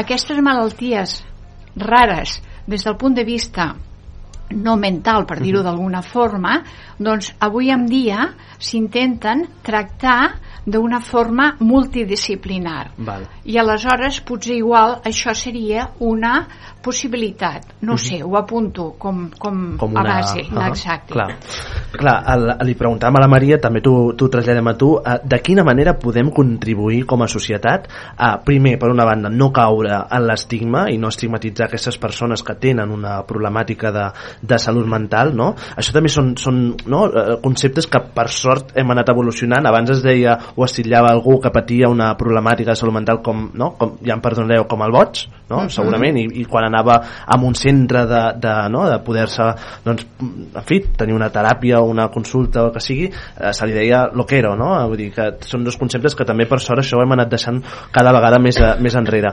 Uh, com dèiem, eh, de quina manera podem acon- eh, ajudar a contribuir a que, a que aquestes persones no, no quedin arraconades, no? Bé, jo penso que primer, primer s'han d'acceptar tal com són. El que passa que les persones i la societat que ens considerem normals, entre cometes, arriba un moment que tot això ens pot. I llavors, jo, per exemple, eh, eh, soc mare, com he dit, d'un fill que ara té 27 anys, i jo vaig tindre que al final eh, denunciar el meu fill perquè un dia m'hi anava la vida a mi. Eh, Llavors, eh, acceptar com són, que seria una de les coses que potser eh, ens ajudaria, però és que arriba un moment que acceptes o toleres, no sé encara molt bé eh, quin, on està el llindar, però arriba un moment que no, vull dir, eh, hi ha situacions que et poden. Clar. Llavors hi ha un moment que tu t'has de preservar i aleshores aquí doncs ja tens que pensar en tu i allunyar-te de l'altra situació. Clar, uh, Marisol, Maria també, uh, de quina manera uh, algú que ens està escoltant des de casa i que pugui sentir-se identificat amb això que, que esteu explicant aquí avui, que us agraïm moltíssim aquesta oportunitat de que, de que ens pugueu també explicar els vostres testimonis i que segurament poden servir per tantes persones que, que també ho pateixen a vegades amb silenci, no? Uh, de quina manera uh, doncs recomanaríeu aquest primer pas que primer és acceptar, no? Perquè, perquè al final també té un procés d'acceptació de dir, escolta, el meu fill, la meva filla, la, el meu, no? el que sigui, doncs té una, una problemàtica de, de salut mental i com em puc deixar ajudar? Eh, Responent a aquesta pregunta, com, com, com es pot deixar ajudar algú que té aquesta situació i, i com pot avançar? En el meu cas ha estat molt difícil, no, al final no ho he pogut fer i aleshores doncs eh, no sé, a vegades és a dir prou, fins aquí he Mhm. arribat Mm, I al posar un principi- límit. Sí, al principi lluites i jo porto 20 anys eh, quasi bé lluitant, no? perquè el meu fill de des dels, el vaig adoptar amb 7 anys, als 9 anys ja tenia un problemes de TDAH i, es, i això ha estat un, un, un, un camí fins, fins ara i encara és un camí que ara el, el, vull dir, el, el visc i d'una forma diferent no ho sé, la veritat és que arriba un moment que no podem més Jo diria que la, una de les coses importants és que qui té problemes d'aquest tipus a casa, Mhm. allò que es diu que surti de l'armari, que surti, que ho digui, que ho expliqui perquè no, si no ho expliquem nosaltres la gent no podrà saber mai no?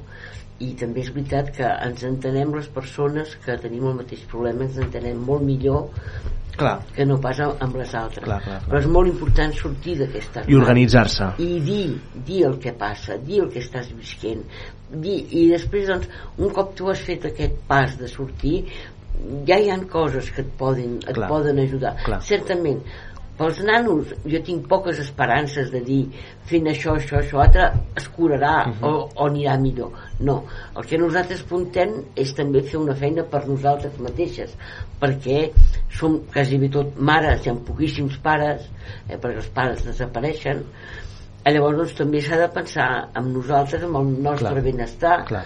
i fer alguna doncs, que també ens ompli i ens ajudi i això fet amb d'altres persones que tenen la mateixa problemàtica que tens tu té una dimensió molt més potent no? Clar, uh, digues, digues. No, no. Anaves a dir... Ah, va. Uh, va, sí, endavant, endavant. no, bueno, bueno, això que deies de malalties rares és que jo penso que sí que és important d'entendre, clar, tu m'has dit que eres pneumòloga, no? Clar, a, a tu tens una sintomatologia, amb aquesta sintomatologia fas unes proves i dius aquesta persona té un EPOC. Clar, els psicòlegs clínics no podem fer això, diagnostiquem per sintomatologia. Aleshores, aquí ens és molt complicat. Què vol dir? Que eh, davant d'uns símptomes més o menys similars, doncs jo puc fer un diagnòstic de trastorn negativista desafiat i una altra persona mm, doncs un altre diagnòstic no? però sí que, que és veritat que almenys per mi eh, el, el que és trastorn de conducta eh, és eh, potser el, el més decebedor no? com, com a professionals de, de psicologia perquè és que ho deies és que, és que no sabem què fer no en Però sabem jo aleshores cosa. eh, no és que no en sapiguem és, és, és que la nostra ciència com a tal no en sap més o sigui, ja et puc omplir de teories al cap no? I, i totes serien més o menys acertades no? però que no sé és, eh, tu ho apuntaves de, de fet és, o aquí hem de treballar molt a nivell disciplinar i sí que penso que fa molta falta aquesta explicació a la societat no? perquè eh, la justícia restaurativa eh, la gent no l'entén però atenció, jo penso que els metges el que sí haurien de fer, psicòlegs o psiquiatres o tot, és escoltar les famílies Sí. perquè molts de cops els nanos van però les famílies no hi poden anar ni se'ls diu Mm. el que han dit ni se'ls diu res llavors jo penso que aquests psicòlegs i, i poc, psiquiatres poc contacte al psicòleg amb el malalt li van Sí. calmar mm. si tinguessin una relació amb les famílies podrien entendre molt millor també els nanos perquè Mm. qui viu cada dia amb ells són els familiars Mm. no són els metges i ells poden anar allà i explicar-los que el, que el món és quadrat. I en canvi és rodó perquè els hi poden dir el que els doni la gana. Mm. i sobretot nanos que van al psicòleg al psiquiatre des de fa tants anys ja saben el que han de dir i el que no han de dir.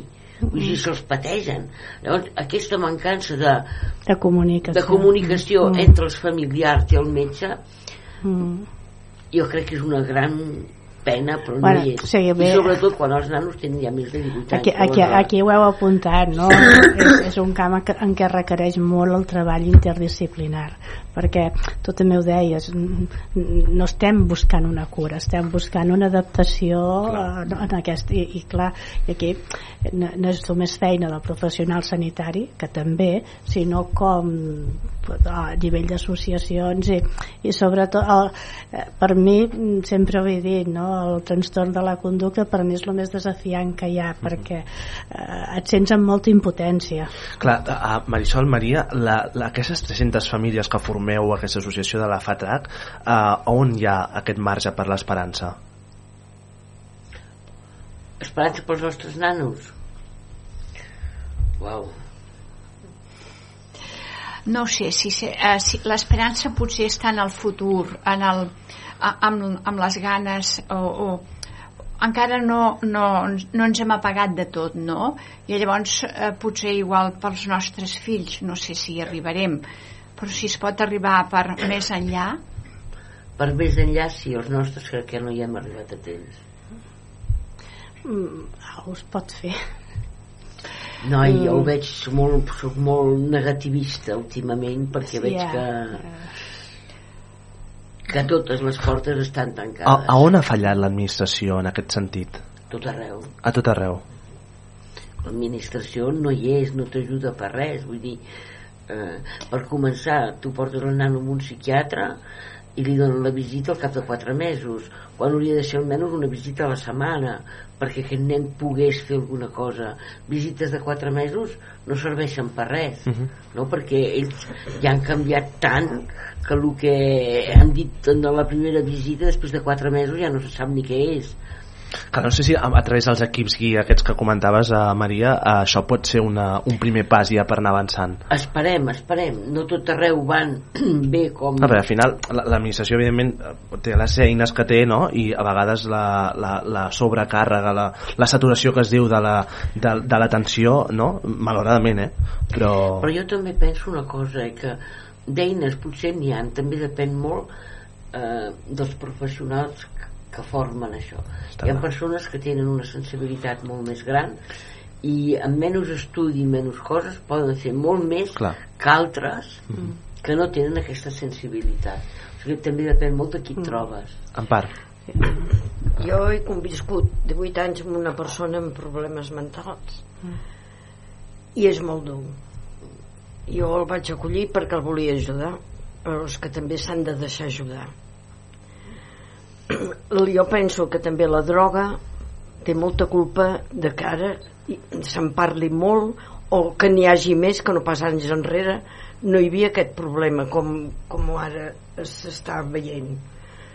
Hi havia persones que tenien problemes hi havia, un, hi havia uns centres que els tancaven i, i allà s'acabava. Però ara jo penso que ara s'ha generalitzat molt. Jo penso que molta part de culpa la té la droga És que no sabem, bueno, vosaltres potser no sabem si és causa o conseqüència, Exacte. perquè veiem molta patologia sí. dual en aquest... Bueno, vosaltres, perdó. perquè el meu cas eh, la droga també ajudava a que la cosa anés a pitjor vull dir, va estar ingressat diverses vegades mentre va ser amb mi a la mútua a la última planta de la mútua que allà acullen a persones amb problemes va estar diverses vegades vull dir que també la- la- l'administració la, d'alguna manera també té previst poder donar un cop de mà. I va anar diverses vegades com tres o quatre vegades va estar ingressat. Vol dir que, clar, però arriba un punt que, que com que això no es cura fàcilment el problema continua. Amb la família continua el problema. Ara no està amb mi torna a estar en un centre de... veus, eh, eh, jo penso que Reto és una Reto és un centre, per contextualitzar, eh? Reto és aquí un centre de Vila de Cavalls que... un centre, sí, però està a tota, a tota Espanya i en l'estranger també. És un centre que els acolleixen els, els ajuden amb tot i per tot. Vull dir, no s'han de preocupar de res. Els, els, els mediquen si fa falta els atenen en tots els aspectes i els ajuden llavors quan es posen millor els fan treballar que també això estimula eh? vull dir, jo els admiro a- aquest centre jo el reconec que està fent una gran labor potser té els seus pros però en general jo penso que els ajuda i molt Clar, una de les... Perdona, perdona. No, no, no. No, és que um, jo conec Reto de, de nom, no? però no he, no he tingut ningú cap experiència, uh, uh, no coneixia ningú que tingués aquesta experiència. Però, mm, per exemple, en el cas del meu fill, és que ell ha de voler canviar. exacte clar. Però, si no, ell em, de, em deia és que tu has d'acceptar que jo sóc un toxicòman jo pensava doncs tu també has d'acceptar que tens una mare que li fa mal que siguis toxicòman i llavors estàvem així Mm, amb clar, aquestes Clar, clar, clar. Mhm. vull dir sense uh, perquè uh, el meu fill si no està sota l'efecte de les drogues és una persona dòcil i que es deixa portar ell, per exemple, fàrmacs de psiquiatre no, o de psi- home o dona Mhm. no en vol perquè diu m'atonten dic però a vegades quan vens o venies així col·locat mm, de policonsums dic també és com les pastilles eh? I no ho veu. I pitjor perquè et poses agressiu et fas mal, em fas mal eh, vull dir, em pots fer mal i totes aquestes coses llavors això no ho veuen quan estan amb aquestes d'això no ho No. veuen De quina manera la societat civil pot ajudar en aquest sentit a vosaltres, a les famílies, en aquesta associació? No? Perquè segurament algú ens estigui escoltant i digui, ostres, i, i nosaltres des de casa, no? Què podem fer? Com, com ho explicaríeu? no, no ho sé, jo per exemple una de les situacions que em trobo és que per exemple els meus veïns Uh -huh. mm, a mi, vull dir, em fan costat a mi em mantenen i, i No jutgen.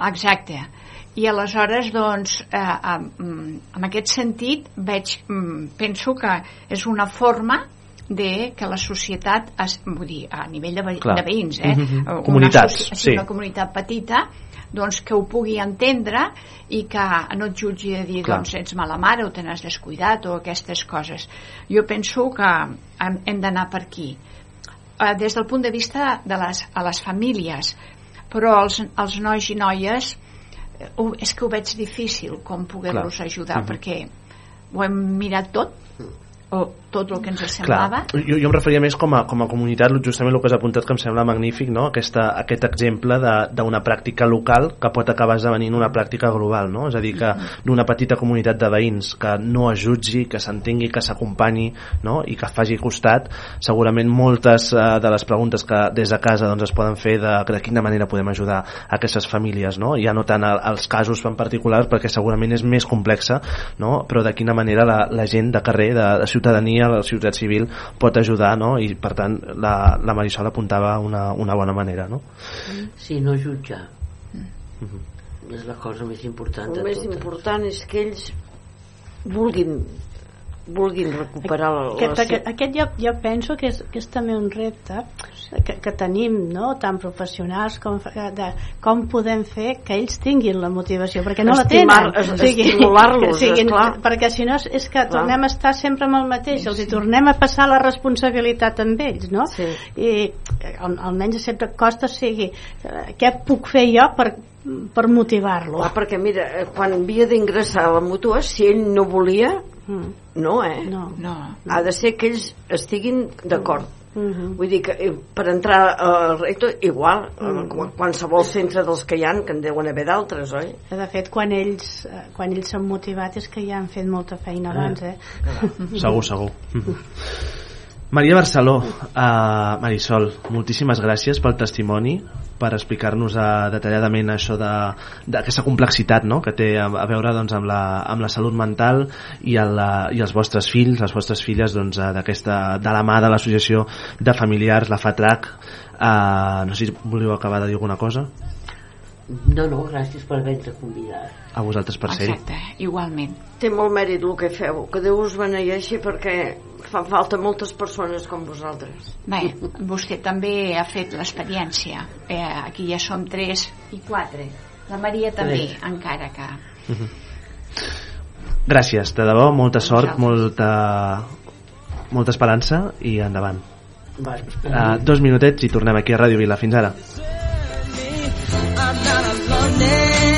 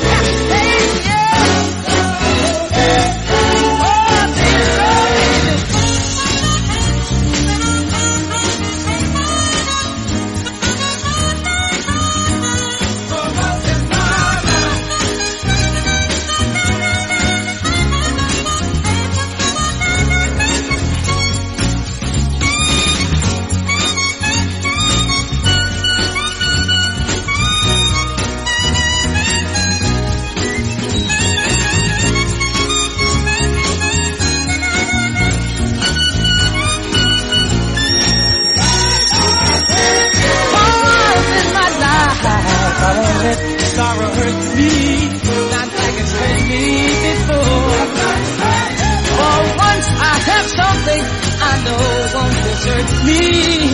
I'm not alone anymore. Oh, once I can see that this, you can't take it.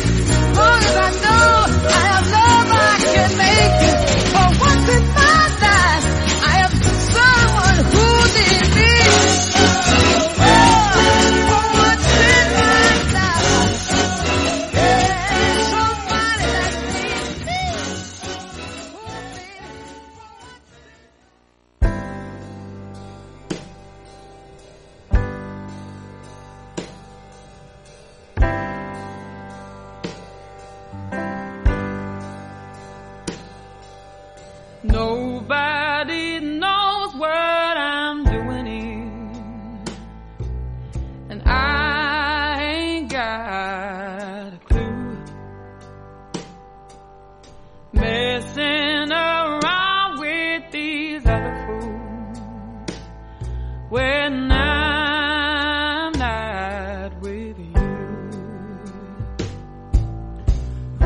There's been so many nights when I've longed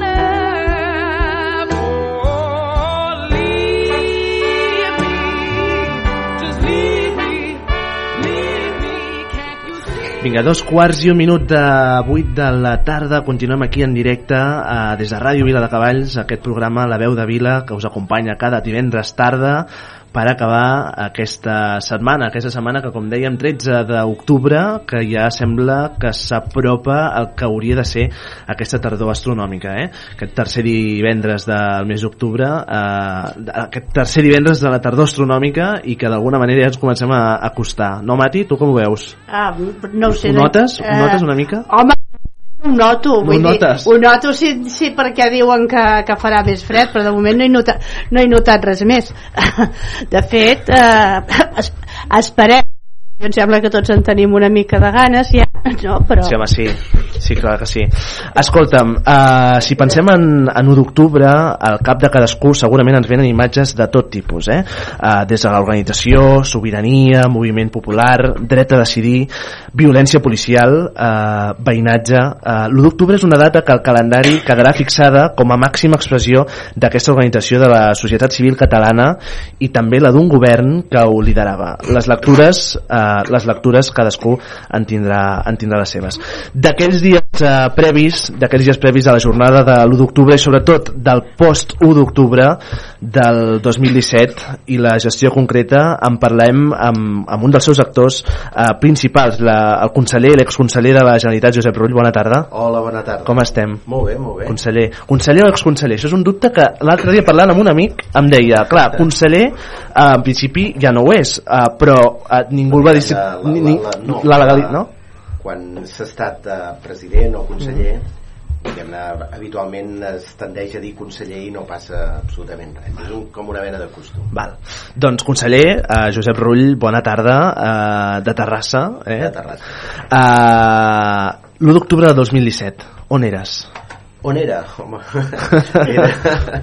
jo em vaig llevar ben d'hora, ben d'hora a supervisar el, els locals de votació que havia cedit el Departament de Territori i Sostenibilitat. Uh -huh. Nosaltres vam cedir tres locals, em penso dir relativament pocs. Un primer a Tarragona, que va ser el, la seu del, diguem-ne, dels serveis territorials, Uh -huh. que va ser atacat durament per la policia espanyola nacional. Eh, Segon, el, el local de l'Agència de Residus de Catalunya, que és on vaig anar a les 6 del matí, abans que vingués la policia, en aquest cas els Mossos, a identificar les persones que hi havien romàs tota la nit. Uh -huh.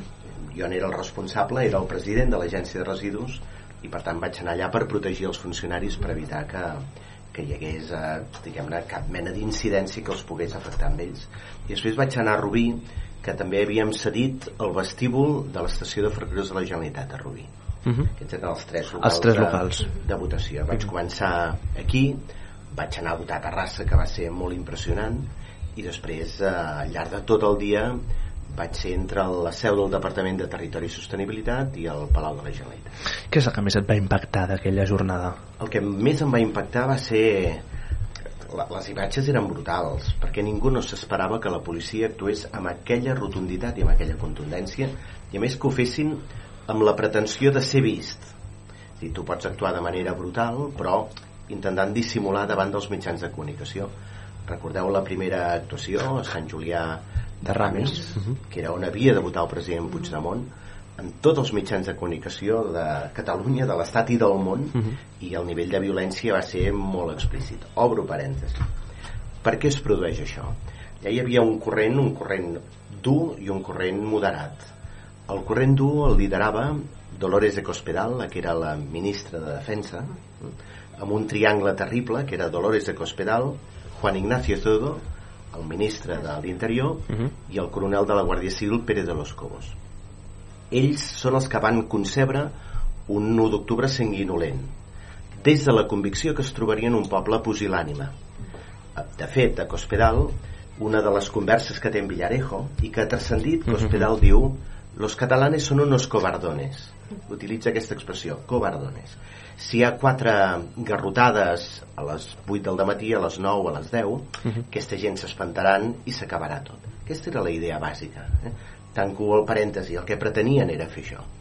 Um, i les imatges eren esgarrifoses. Jo per mi el més colpidor de tot és el que vaig viure a Terrassa quan vaig anar a votar a les 11 del matí a l'escola de la Naspa que hi havia una cua immensa Mhm. de gent de tota mena de gent que habitualment parla català de gent que habitualment parla castellà de gent gran, molta gent jove de totes les edats, de totes les procedències veïns que mai no t'haguessis imaginat que te'ls trobaries i hi eren i eh, recordo que en aquella cua hi havia tres dones grans d'un casal que jo diguem-ne coneixia de Terrassa i un xicot jove se'ls hi acosta i les interpel·la i els diu i vostès? Vostès no tenen por? No han vist el que ha passat a Sabadell? Sabadell feia tot just una hora, la policia havia intervingut. al col·legi on havia de votar la presidenta Carme Forcadell amb un nivell de violència desbocada i eh, la més gran d'aquelles dones se'l mira i li diu fillet, nosaltres ja n'hem tingut massa temps de por sóc aquí perquè les meves netes no en tinguin mai més de por Eh, per mi aquesta és una frase que dins la presó em va inspirar extraordinàriament. Si la gent no va tenir por nosaltres no teníem dret No a podem. tenir-ne. Si la gent no es va rendir nosaltres no ens podíem rendir. El 9 de novembre va ser un dia excepcional. Anar a votar a les 10 del matí a Viladecavalls o Vacarisses o Terrassa tenia un punt de compromís democràtic. Anar a votar a les 11 del matí a Viladecavalls a Terrassa, a Vacarisses a Ullastella, a Rellinars volia dir un nivell de compromís I era un deure gairebé, eh? Clar, du- parlem d'aquesta jornada de, de l'1 d'octubre, després també ens interessarà parlar i comentar alguns uh, dies previs no, d'aquesta jornada, però concretament la jornada de l'1 d'octubre que uh, doncs, ha fet aquests 6 anys de, del primer, del primer d'octubre, uh, no sé si en algun moment de la jornada vau tenir uh, aquesta sensació d'estar en perill, de córrer perill. no, teníem por que la, la gent d'aquest país estés en perill. Teníem por perquè les imatges eren absolutament esgarrifoses era la por ellos perpetrat amb precisió quirúrgica més que tenir por de nosaltres com a membres del govern el que sí teníem por que algú prengués mal i nosaltres un dels elements fonamentals era preservar la integritat i, i la vida de, de la gent eh? aquest, aquest sí que va ser una angoixa que vam tenir durant Clar. tot el dia sense que en cap moment de manera seriosa ens Mhm. plantegéssim d'aturar el referèndum Una intervenció militar la veu, la veu preveure, allò de que pogués passar? per l'1 d'octubre no, pel 3 d'octubre no però pel 27 d'octubre sí Pel 27 d'octubre preveieu una intervenció militar. no estava descartat, ens havien arribat diverses informacions que ja no vindrien antiavalots sinó que vindrien efectius tropes amb possibilitat de diguem-ne d'actuar en foc real Uh -huh. uh, aquelles càrregues policials que vam veure uh, en fi, i que va veure tot el món uh, d'aquell 1 d'octubre uh, us les esperàveu? No, no. No, no ens esperàvem eh, de cap de les maneres i, i em sembla que la majoria de gent d'aquest país ara hi ha molta gent que ho sabia tot abans de començar no, ja ho havíem era, era absolutament inaudit eh, que es pogués produir una circumstància amb aquest nivell de violència tan explícita, tan desbocada, eh, perquè l'1 d'octubre no van anar a impedir un referèndum. L'1 d'octubre van anar a castigar la gent, a vexar la gent, a humiliar la gent, a espantar la gent i per tant no, no, no ens esperàvem i es va produir una confluència de... Rajoy estava obsessionat en què no es produís un altre 9 de novembre que allò de cap de les maneres no havia de tenir aparença de referèndum i mm, va donar una ordre genèrica de dir atureu com vulgueu. Hi havia un sector que deien el sector civilitzat per entendre'ns eh, que deia ens posem a les escoles eh, ho impedim abans o mirem de localitzar les urnes. I després el sector cospedal, insisteixo, no és menor, no és irrellevant De de dir els, els escarnirem eh, d'una manera brutal. I el que era Per tant, va guanyar aquest sector, diguem, va guanyar eh? aquest sector però d'una manera rotunda eh?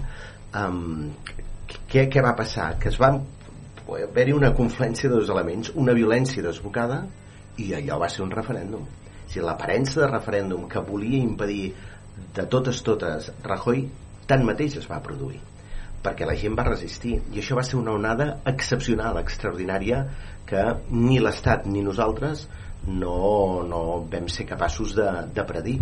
I per això el dia 3 d'octubre nosaltres no vam tenir la- l'encert aquesta és la crítica més important que faig en relació al nostre capteniment a la nostra manera de fer no vam tenir l'encert de dir que era el moment de fer la declaració d'independència. Per tant, la clau va ser el 3 d'octubre i per tant l'error potser no? va ser a l'aplicatiu de... fàcil sí, sí, de sí, poder-ho sí, sí. de poder-ho dir ara. Analitzant allò... Analitzant aquesta era l'onada que ens permetia fer el salt al davant amb moltes dificultats però aquesta era l'onada amb una mobilització cívica democràtica i el 3 d'octubre la, la presència de l'exèrcit o d'una intervenció amb naturalesa Mhm. militar hagués estat molt difícil perquè les imatges de l'1 d'octubre havien impactat de manera molt severa l'opinió pública europea Mhm. hi ha diversos governs d'Europa que consideren que allò era absolutament inadmissible que en un estat democràtic de la Unió Europea es poguessin eh, veure imatges d'aquella naturalesa tan bèstia, tan brutal. L'1 d'octubre va ser un referèndum, per tant? Va ser un referèndum. I l'aplicació del resultat de l'1 d'octubre, què va ser? El problema és que després eh, hi va haver la, la, la dificultat de eh, fer complir la llei de, del, del referèndum Mhm. eh? I aquí és on, on no vam anar no vam fer res l'1 d'octubre vull dir el 3 El d'octubre 3 entre d'octubre. altres coses perquè els terminis que establia la llei del referèndum a l'hora de fer públic el resultat ens demanava més temps Mhm. jo crec que en el moment que l'1 d'octubre hi va haver el que hi va haver havíem de donar aquesta naturalesa excepcional en qualsevol cas és un mandat democràtic vigent mentre no existeixi un altre que el pugui substituir i per això tot aquest repte que tenim al davant que és de poder acordar, de poder pactar amb l'estat espanyol un referèndum diguem-ne que pugui substituir aquell i sobretot que pugui tenir un aval en termes de, de dret internacional Clar, per algú que ens estigui escoltant des de casa i que d'alguna manera digui eh, si aleshores no ens en vam sortir a l'hora de buscar una via pactada, dialogada amb, amb l'Estat, per què ara sí? Bàsicament perquè um, de vegades l'aritmètica parlamentària fa miracles. Va. i és essencialment és essencialment això que, que és fàcil no, és molt complicat perquè estem intentant virar una nau que té un rumb molt contundent. Ho estem, ho estem veient Espera, em sí. comenten que t'has de posar una mica el micro més Sí, endavant. Ara. més a Ara, prop? Ara, Sí. Gràcies, Lluís. Vinga, no t'entenia un, abans. Un micro, me, un micro diguem-ne que, que tenim un estat que és molt, que és molt contundent. Eh, eh, serà fàcil? No, de cap de les maneres, però en darrera instància hi ha d'haver una combinació entre la política i la mobilització de la gent que desbordi en un determinat cas diguem-ne, determinades estructures. Hi ha d'haver la perfecta combinació Clar. entre els dos elements. Qui eren els interlocutors d'aquells dies previs i posteriors a, de l'1 d'octubre ah, en relació amb l'Estat? L'Estat, Rajoy va decidir que no volia Vale. fer d'interlocutor. Important. no volia fer d'interlocutor i Rajoy fa una cosa que és simplement inaudita que és que trasllada tota la responsabilitat en els jutges i els jutges quan els dones la possibilitat de decidir els jutges no tenen Clar, límits clar, clar. perquè diguem-ne, i això ho hem vist amb la nostra sentència ho hem vist amb totes les operacions judicials que, que hi ha hagut. Eh, per defensar la unitat d'Espanya si s'ha de vulnerar l'estat de dret es vulnera. Si s'ha de retorçar el dret penal es fa sense cap mena de, cap mena de límit. La gran responsabilitat que té Rajoy és renunciar a fer política i delegar tota la responsabilitat amb uns eh, jutges que es mouen amb uns paràmetres massa sovint eh, diguem-ne propis de- d'altres èpoques eh? Eh, un altre parèntesi. Quina és una de les diferències fonamentals entre Espanya i Portugal en termes democràtics? Que Portugal va fer la revolució dels clavells l'abril del 74 i amb aquella revolució que va ser una revolució diguem-ne afortunadament no hi, va, no, hi va haver, no hi va haver morts en aquella revolució eh, protagonitzada pels comandaments més joves de l'exèrcit portuguès es va fer neteja en termes democràtics de l'exèrcit de la policia i dels jutges. I l'estat espanyol no ha tingut aquesta revolta aquesta revolució dels clavells. Mhm. i per tant tenim Se l'espera, encara un batec a la policia a l'exèrcit i en els jutges. És un batec diguem-ne d'allò que passava en aquest, eh, en aquest estat fa 50 anys aquest és un dels principals problemes Clar, ho apuntàvem al principi, eh, conseller, eh, d'aquelles jornades van viure moments no, d'especial tensió, ja des de primera hora amb aquestes eh, fatídiques eh, càrregues eh, policials. Eh, com a conseller de, del govern, de- d'aleshores, com, a, com a membre de, del govern de la Generalitat, no vas tenir, no vas sentir, no veu sentir com a govern la sensació de que calia, de, en algun moment, de que calia aturar la, la votació No, per, no, pel es bé va, de... es, va, es va plantejar en un determinat moment per part diguem-ne de- d'algú no estrictament del govern sinó de- d'algun partit polític però es va, es va descartar. El que és evident és que hi va haver un canvi significatiu per part de l'Estat al matí a la tarda. A la tarda totes aquelles càrregues es van anar moderant i es van anar matisant. I aquí Mhm. jo dono versemblança a aquells que apunten que va ser algú o alguns importants algunes persones importants en el context del, de la Unió Europea que van fer les trucades pertinents perquè es moderés, es matisés. Es parla de la cancellera Angela Merkel jo no en tinc l'evidència però sí que dono versemblança a que algú o la mateixa cancellera algú similar a la cancellera es posés en contacte amb Rajoy i li plantegés, li exigís la necessitat d'aturar aquella bogeria. Des del govern de la Generalitat es va fer tot el que es va poder?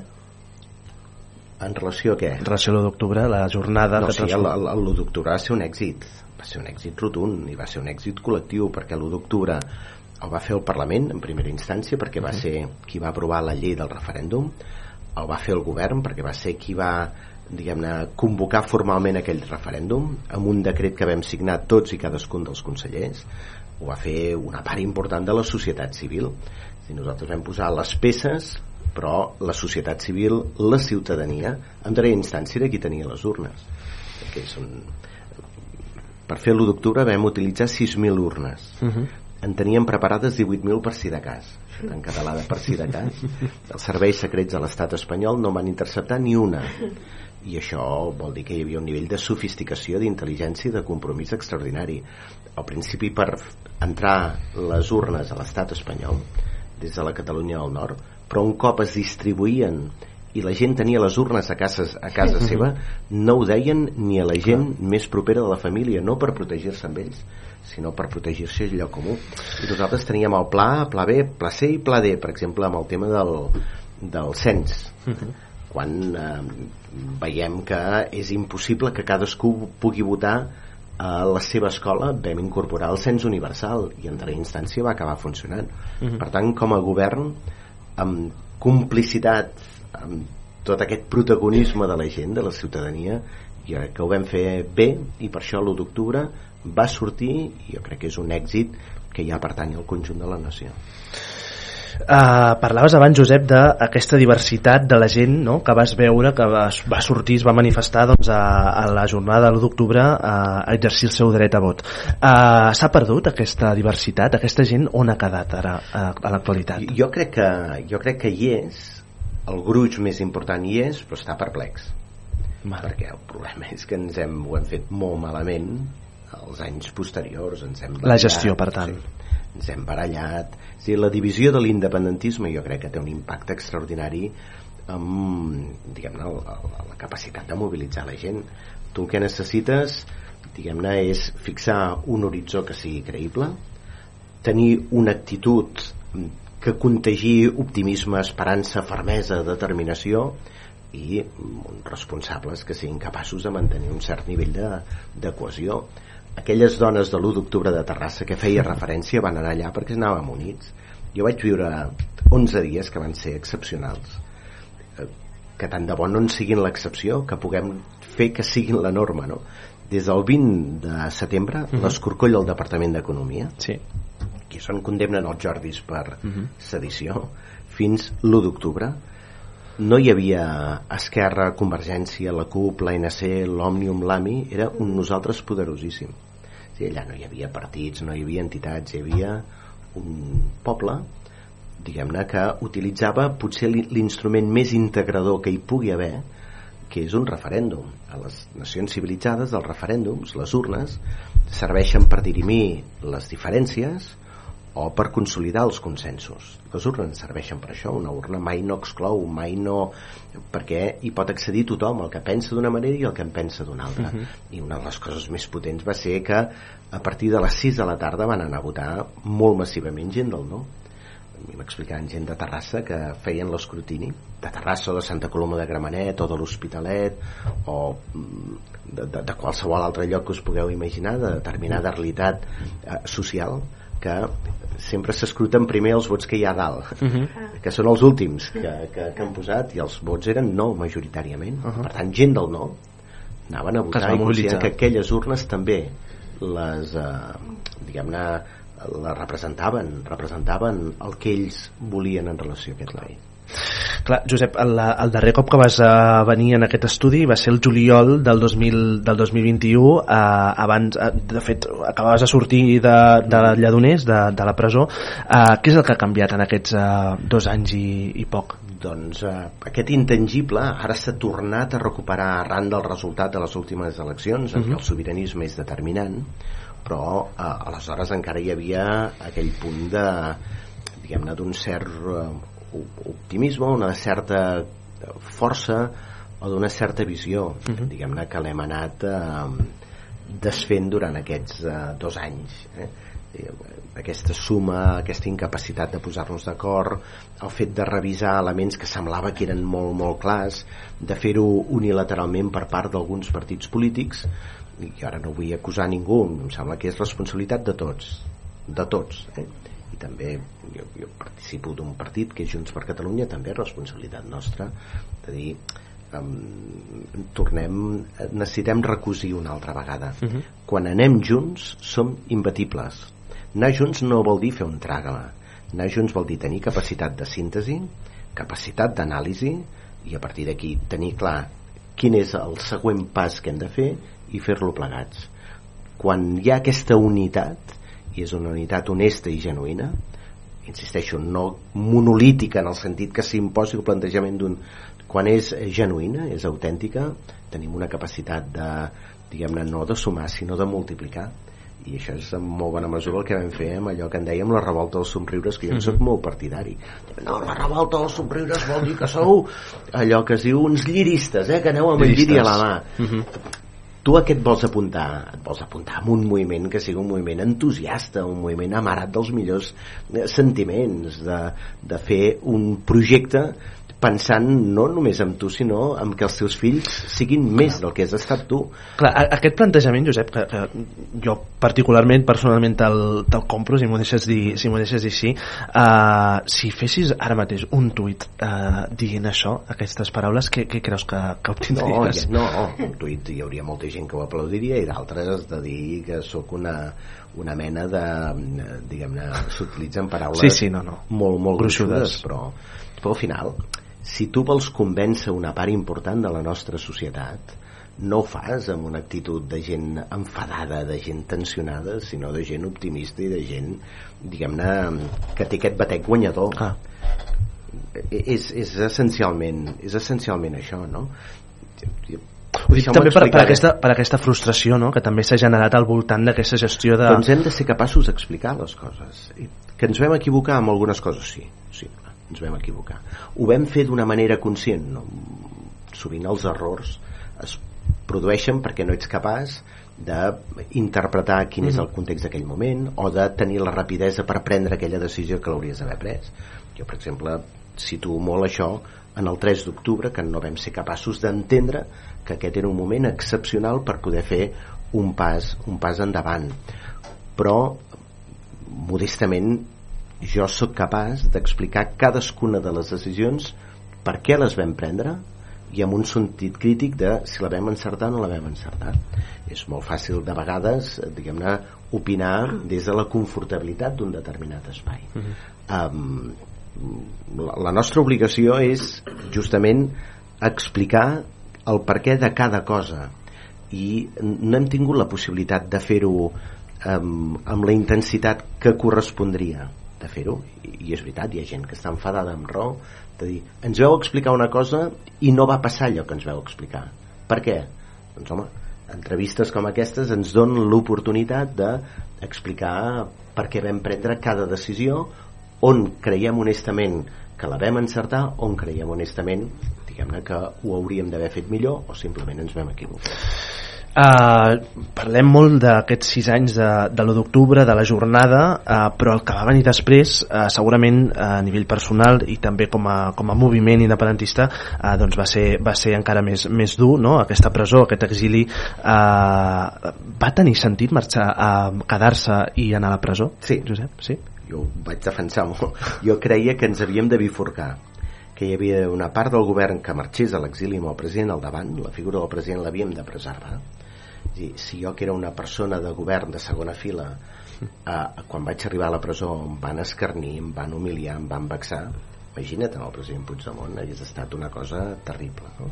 per tant valia la pena diguem-ne fer aquesta bifurcació. El president havia de ser a l'exili tant sí com no per preservar no la dignitat de Carles Puigdemont sinó la dignitat de la presidència de la Generalitat poder-la preservar donar-li llibertat per fer coses per fer iniciativa política això mateix, la seva condició d'eurodiputat ens ha donat un recorregut extraordinari però um, si haguéssim marxat tot jo crec que la gent no ho hagués entès. I per tant calia que hi hagués algú alguns membres del govern que ens quedéssim aquí sabent que aniríem a la presó però aquesta presó ha donat molta més força a l'exili i ha donat credibilitat a l'exili. Quan la justícia belga diu no lliurarem Lluís Puig a la justícia espanyola perquè Espanya no hi tindria un judici just i parlen en aquests termes perquè Espanya no es garanteix la presumpció d'innocència ho poden dir amb aquesta rotunditat perquè nosaltres hem estat a la presó. Perquè nosaltres hem eh, patit un judici. Jo sóc advocat i jo crec que el nostre judici és una, una caricatura de, de judici aquí nosaltres estàvem condemnats Judici polític. abans d'entrar judici polític dret penal de l'enemic uh -huh. que, que és això a mi al final a mi em condemnen per haver fet un programa electoral per haver eh, cedit un local de votació per haver pres una decisió administrativa absolutament fonamentada que era impedir que el barco dels piolins pogués amarrar al port de Palamós i per haver fet dos tuits per aquestes cinc coses 10 anys i mig de presó dius home o la presidenta Carme Forcadell 12 anys de presó 12 per haver permès un debat democràtic en una cambra democràtica perdoneu, és que és molt bèstia això com a concepte no? és dir, Navalny, que és el líder de, del moviment de resistència davant del sàtrapa de Putin l'última condemna que té és de 9 anys de presó Carme Forcadell, insisteixo, la presidenta Forcadell 11 anys de presó simplement inaudit. I els altres membres de la mesa i he estat diputat al Parlament de Catalunya durant molts anys els altres membres de la mesa eh, diguem-ne eh, simplement inhabilitats.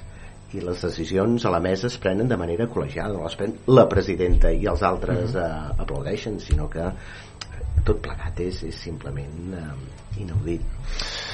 Uh, conseller, el procés, tal com el coneixíem uh, en aquesta darrera dècada, s'ha ha acabat? No, procés només s'acabarà el dia que aconseguim la independència de Catalunya. Heu tingut mai la sensació personal eh, o política de- d'haver-vos eh, equivocat en algun moment en, en tot aquest procés, l'última dècada? ja ho dic que hi va haver algunes decisions que vam prendre que, que eren perfectament millorables i alguns que, que han estat que han estat errors no? Ho torne- el, el, problema, el problema que hi ha que és un dels laments que faig és que um, no hem estat ni tan sols capaços de fer una cartografia compartida. O sigui, ara ja sabem que hi ha darrere el mur. Ara ja ho sabem, ja hem arribat darrere el mur. I era la primera vegada que hi arribàvem. És que no en sabíeu prou, home, perquè no teníem GPS ara ja tenim GPS ara ja sabem que hi ha allà al darrere. I um, ara podem saber quins camins són viables i quins altres no. No hem estat capaços ni tan sols de fer una cartografia compartida. Ho tornarem a fer. Què vol dir? Ho tornarem Com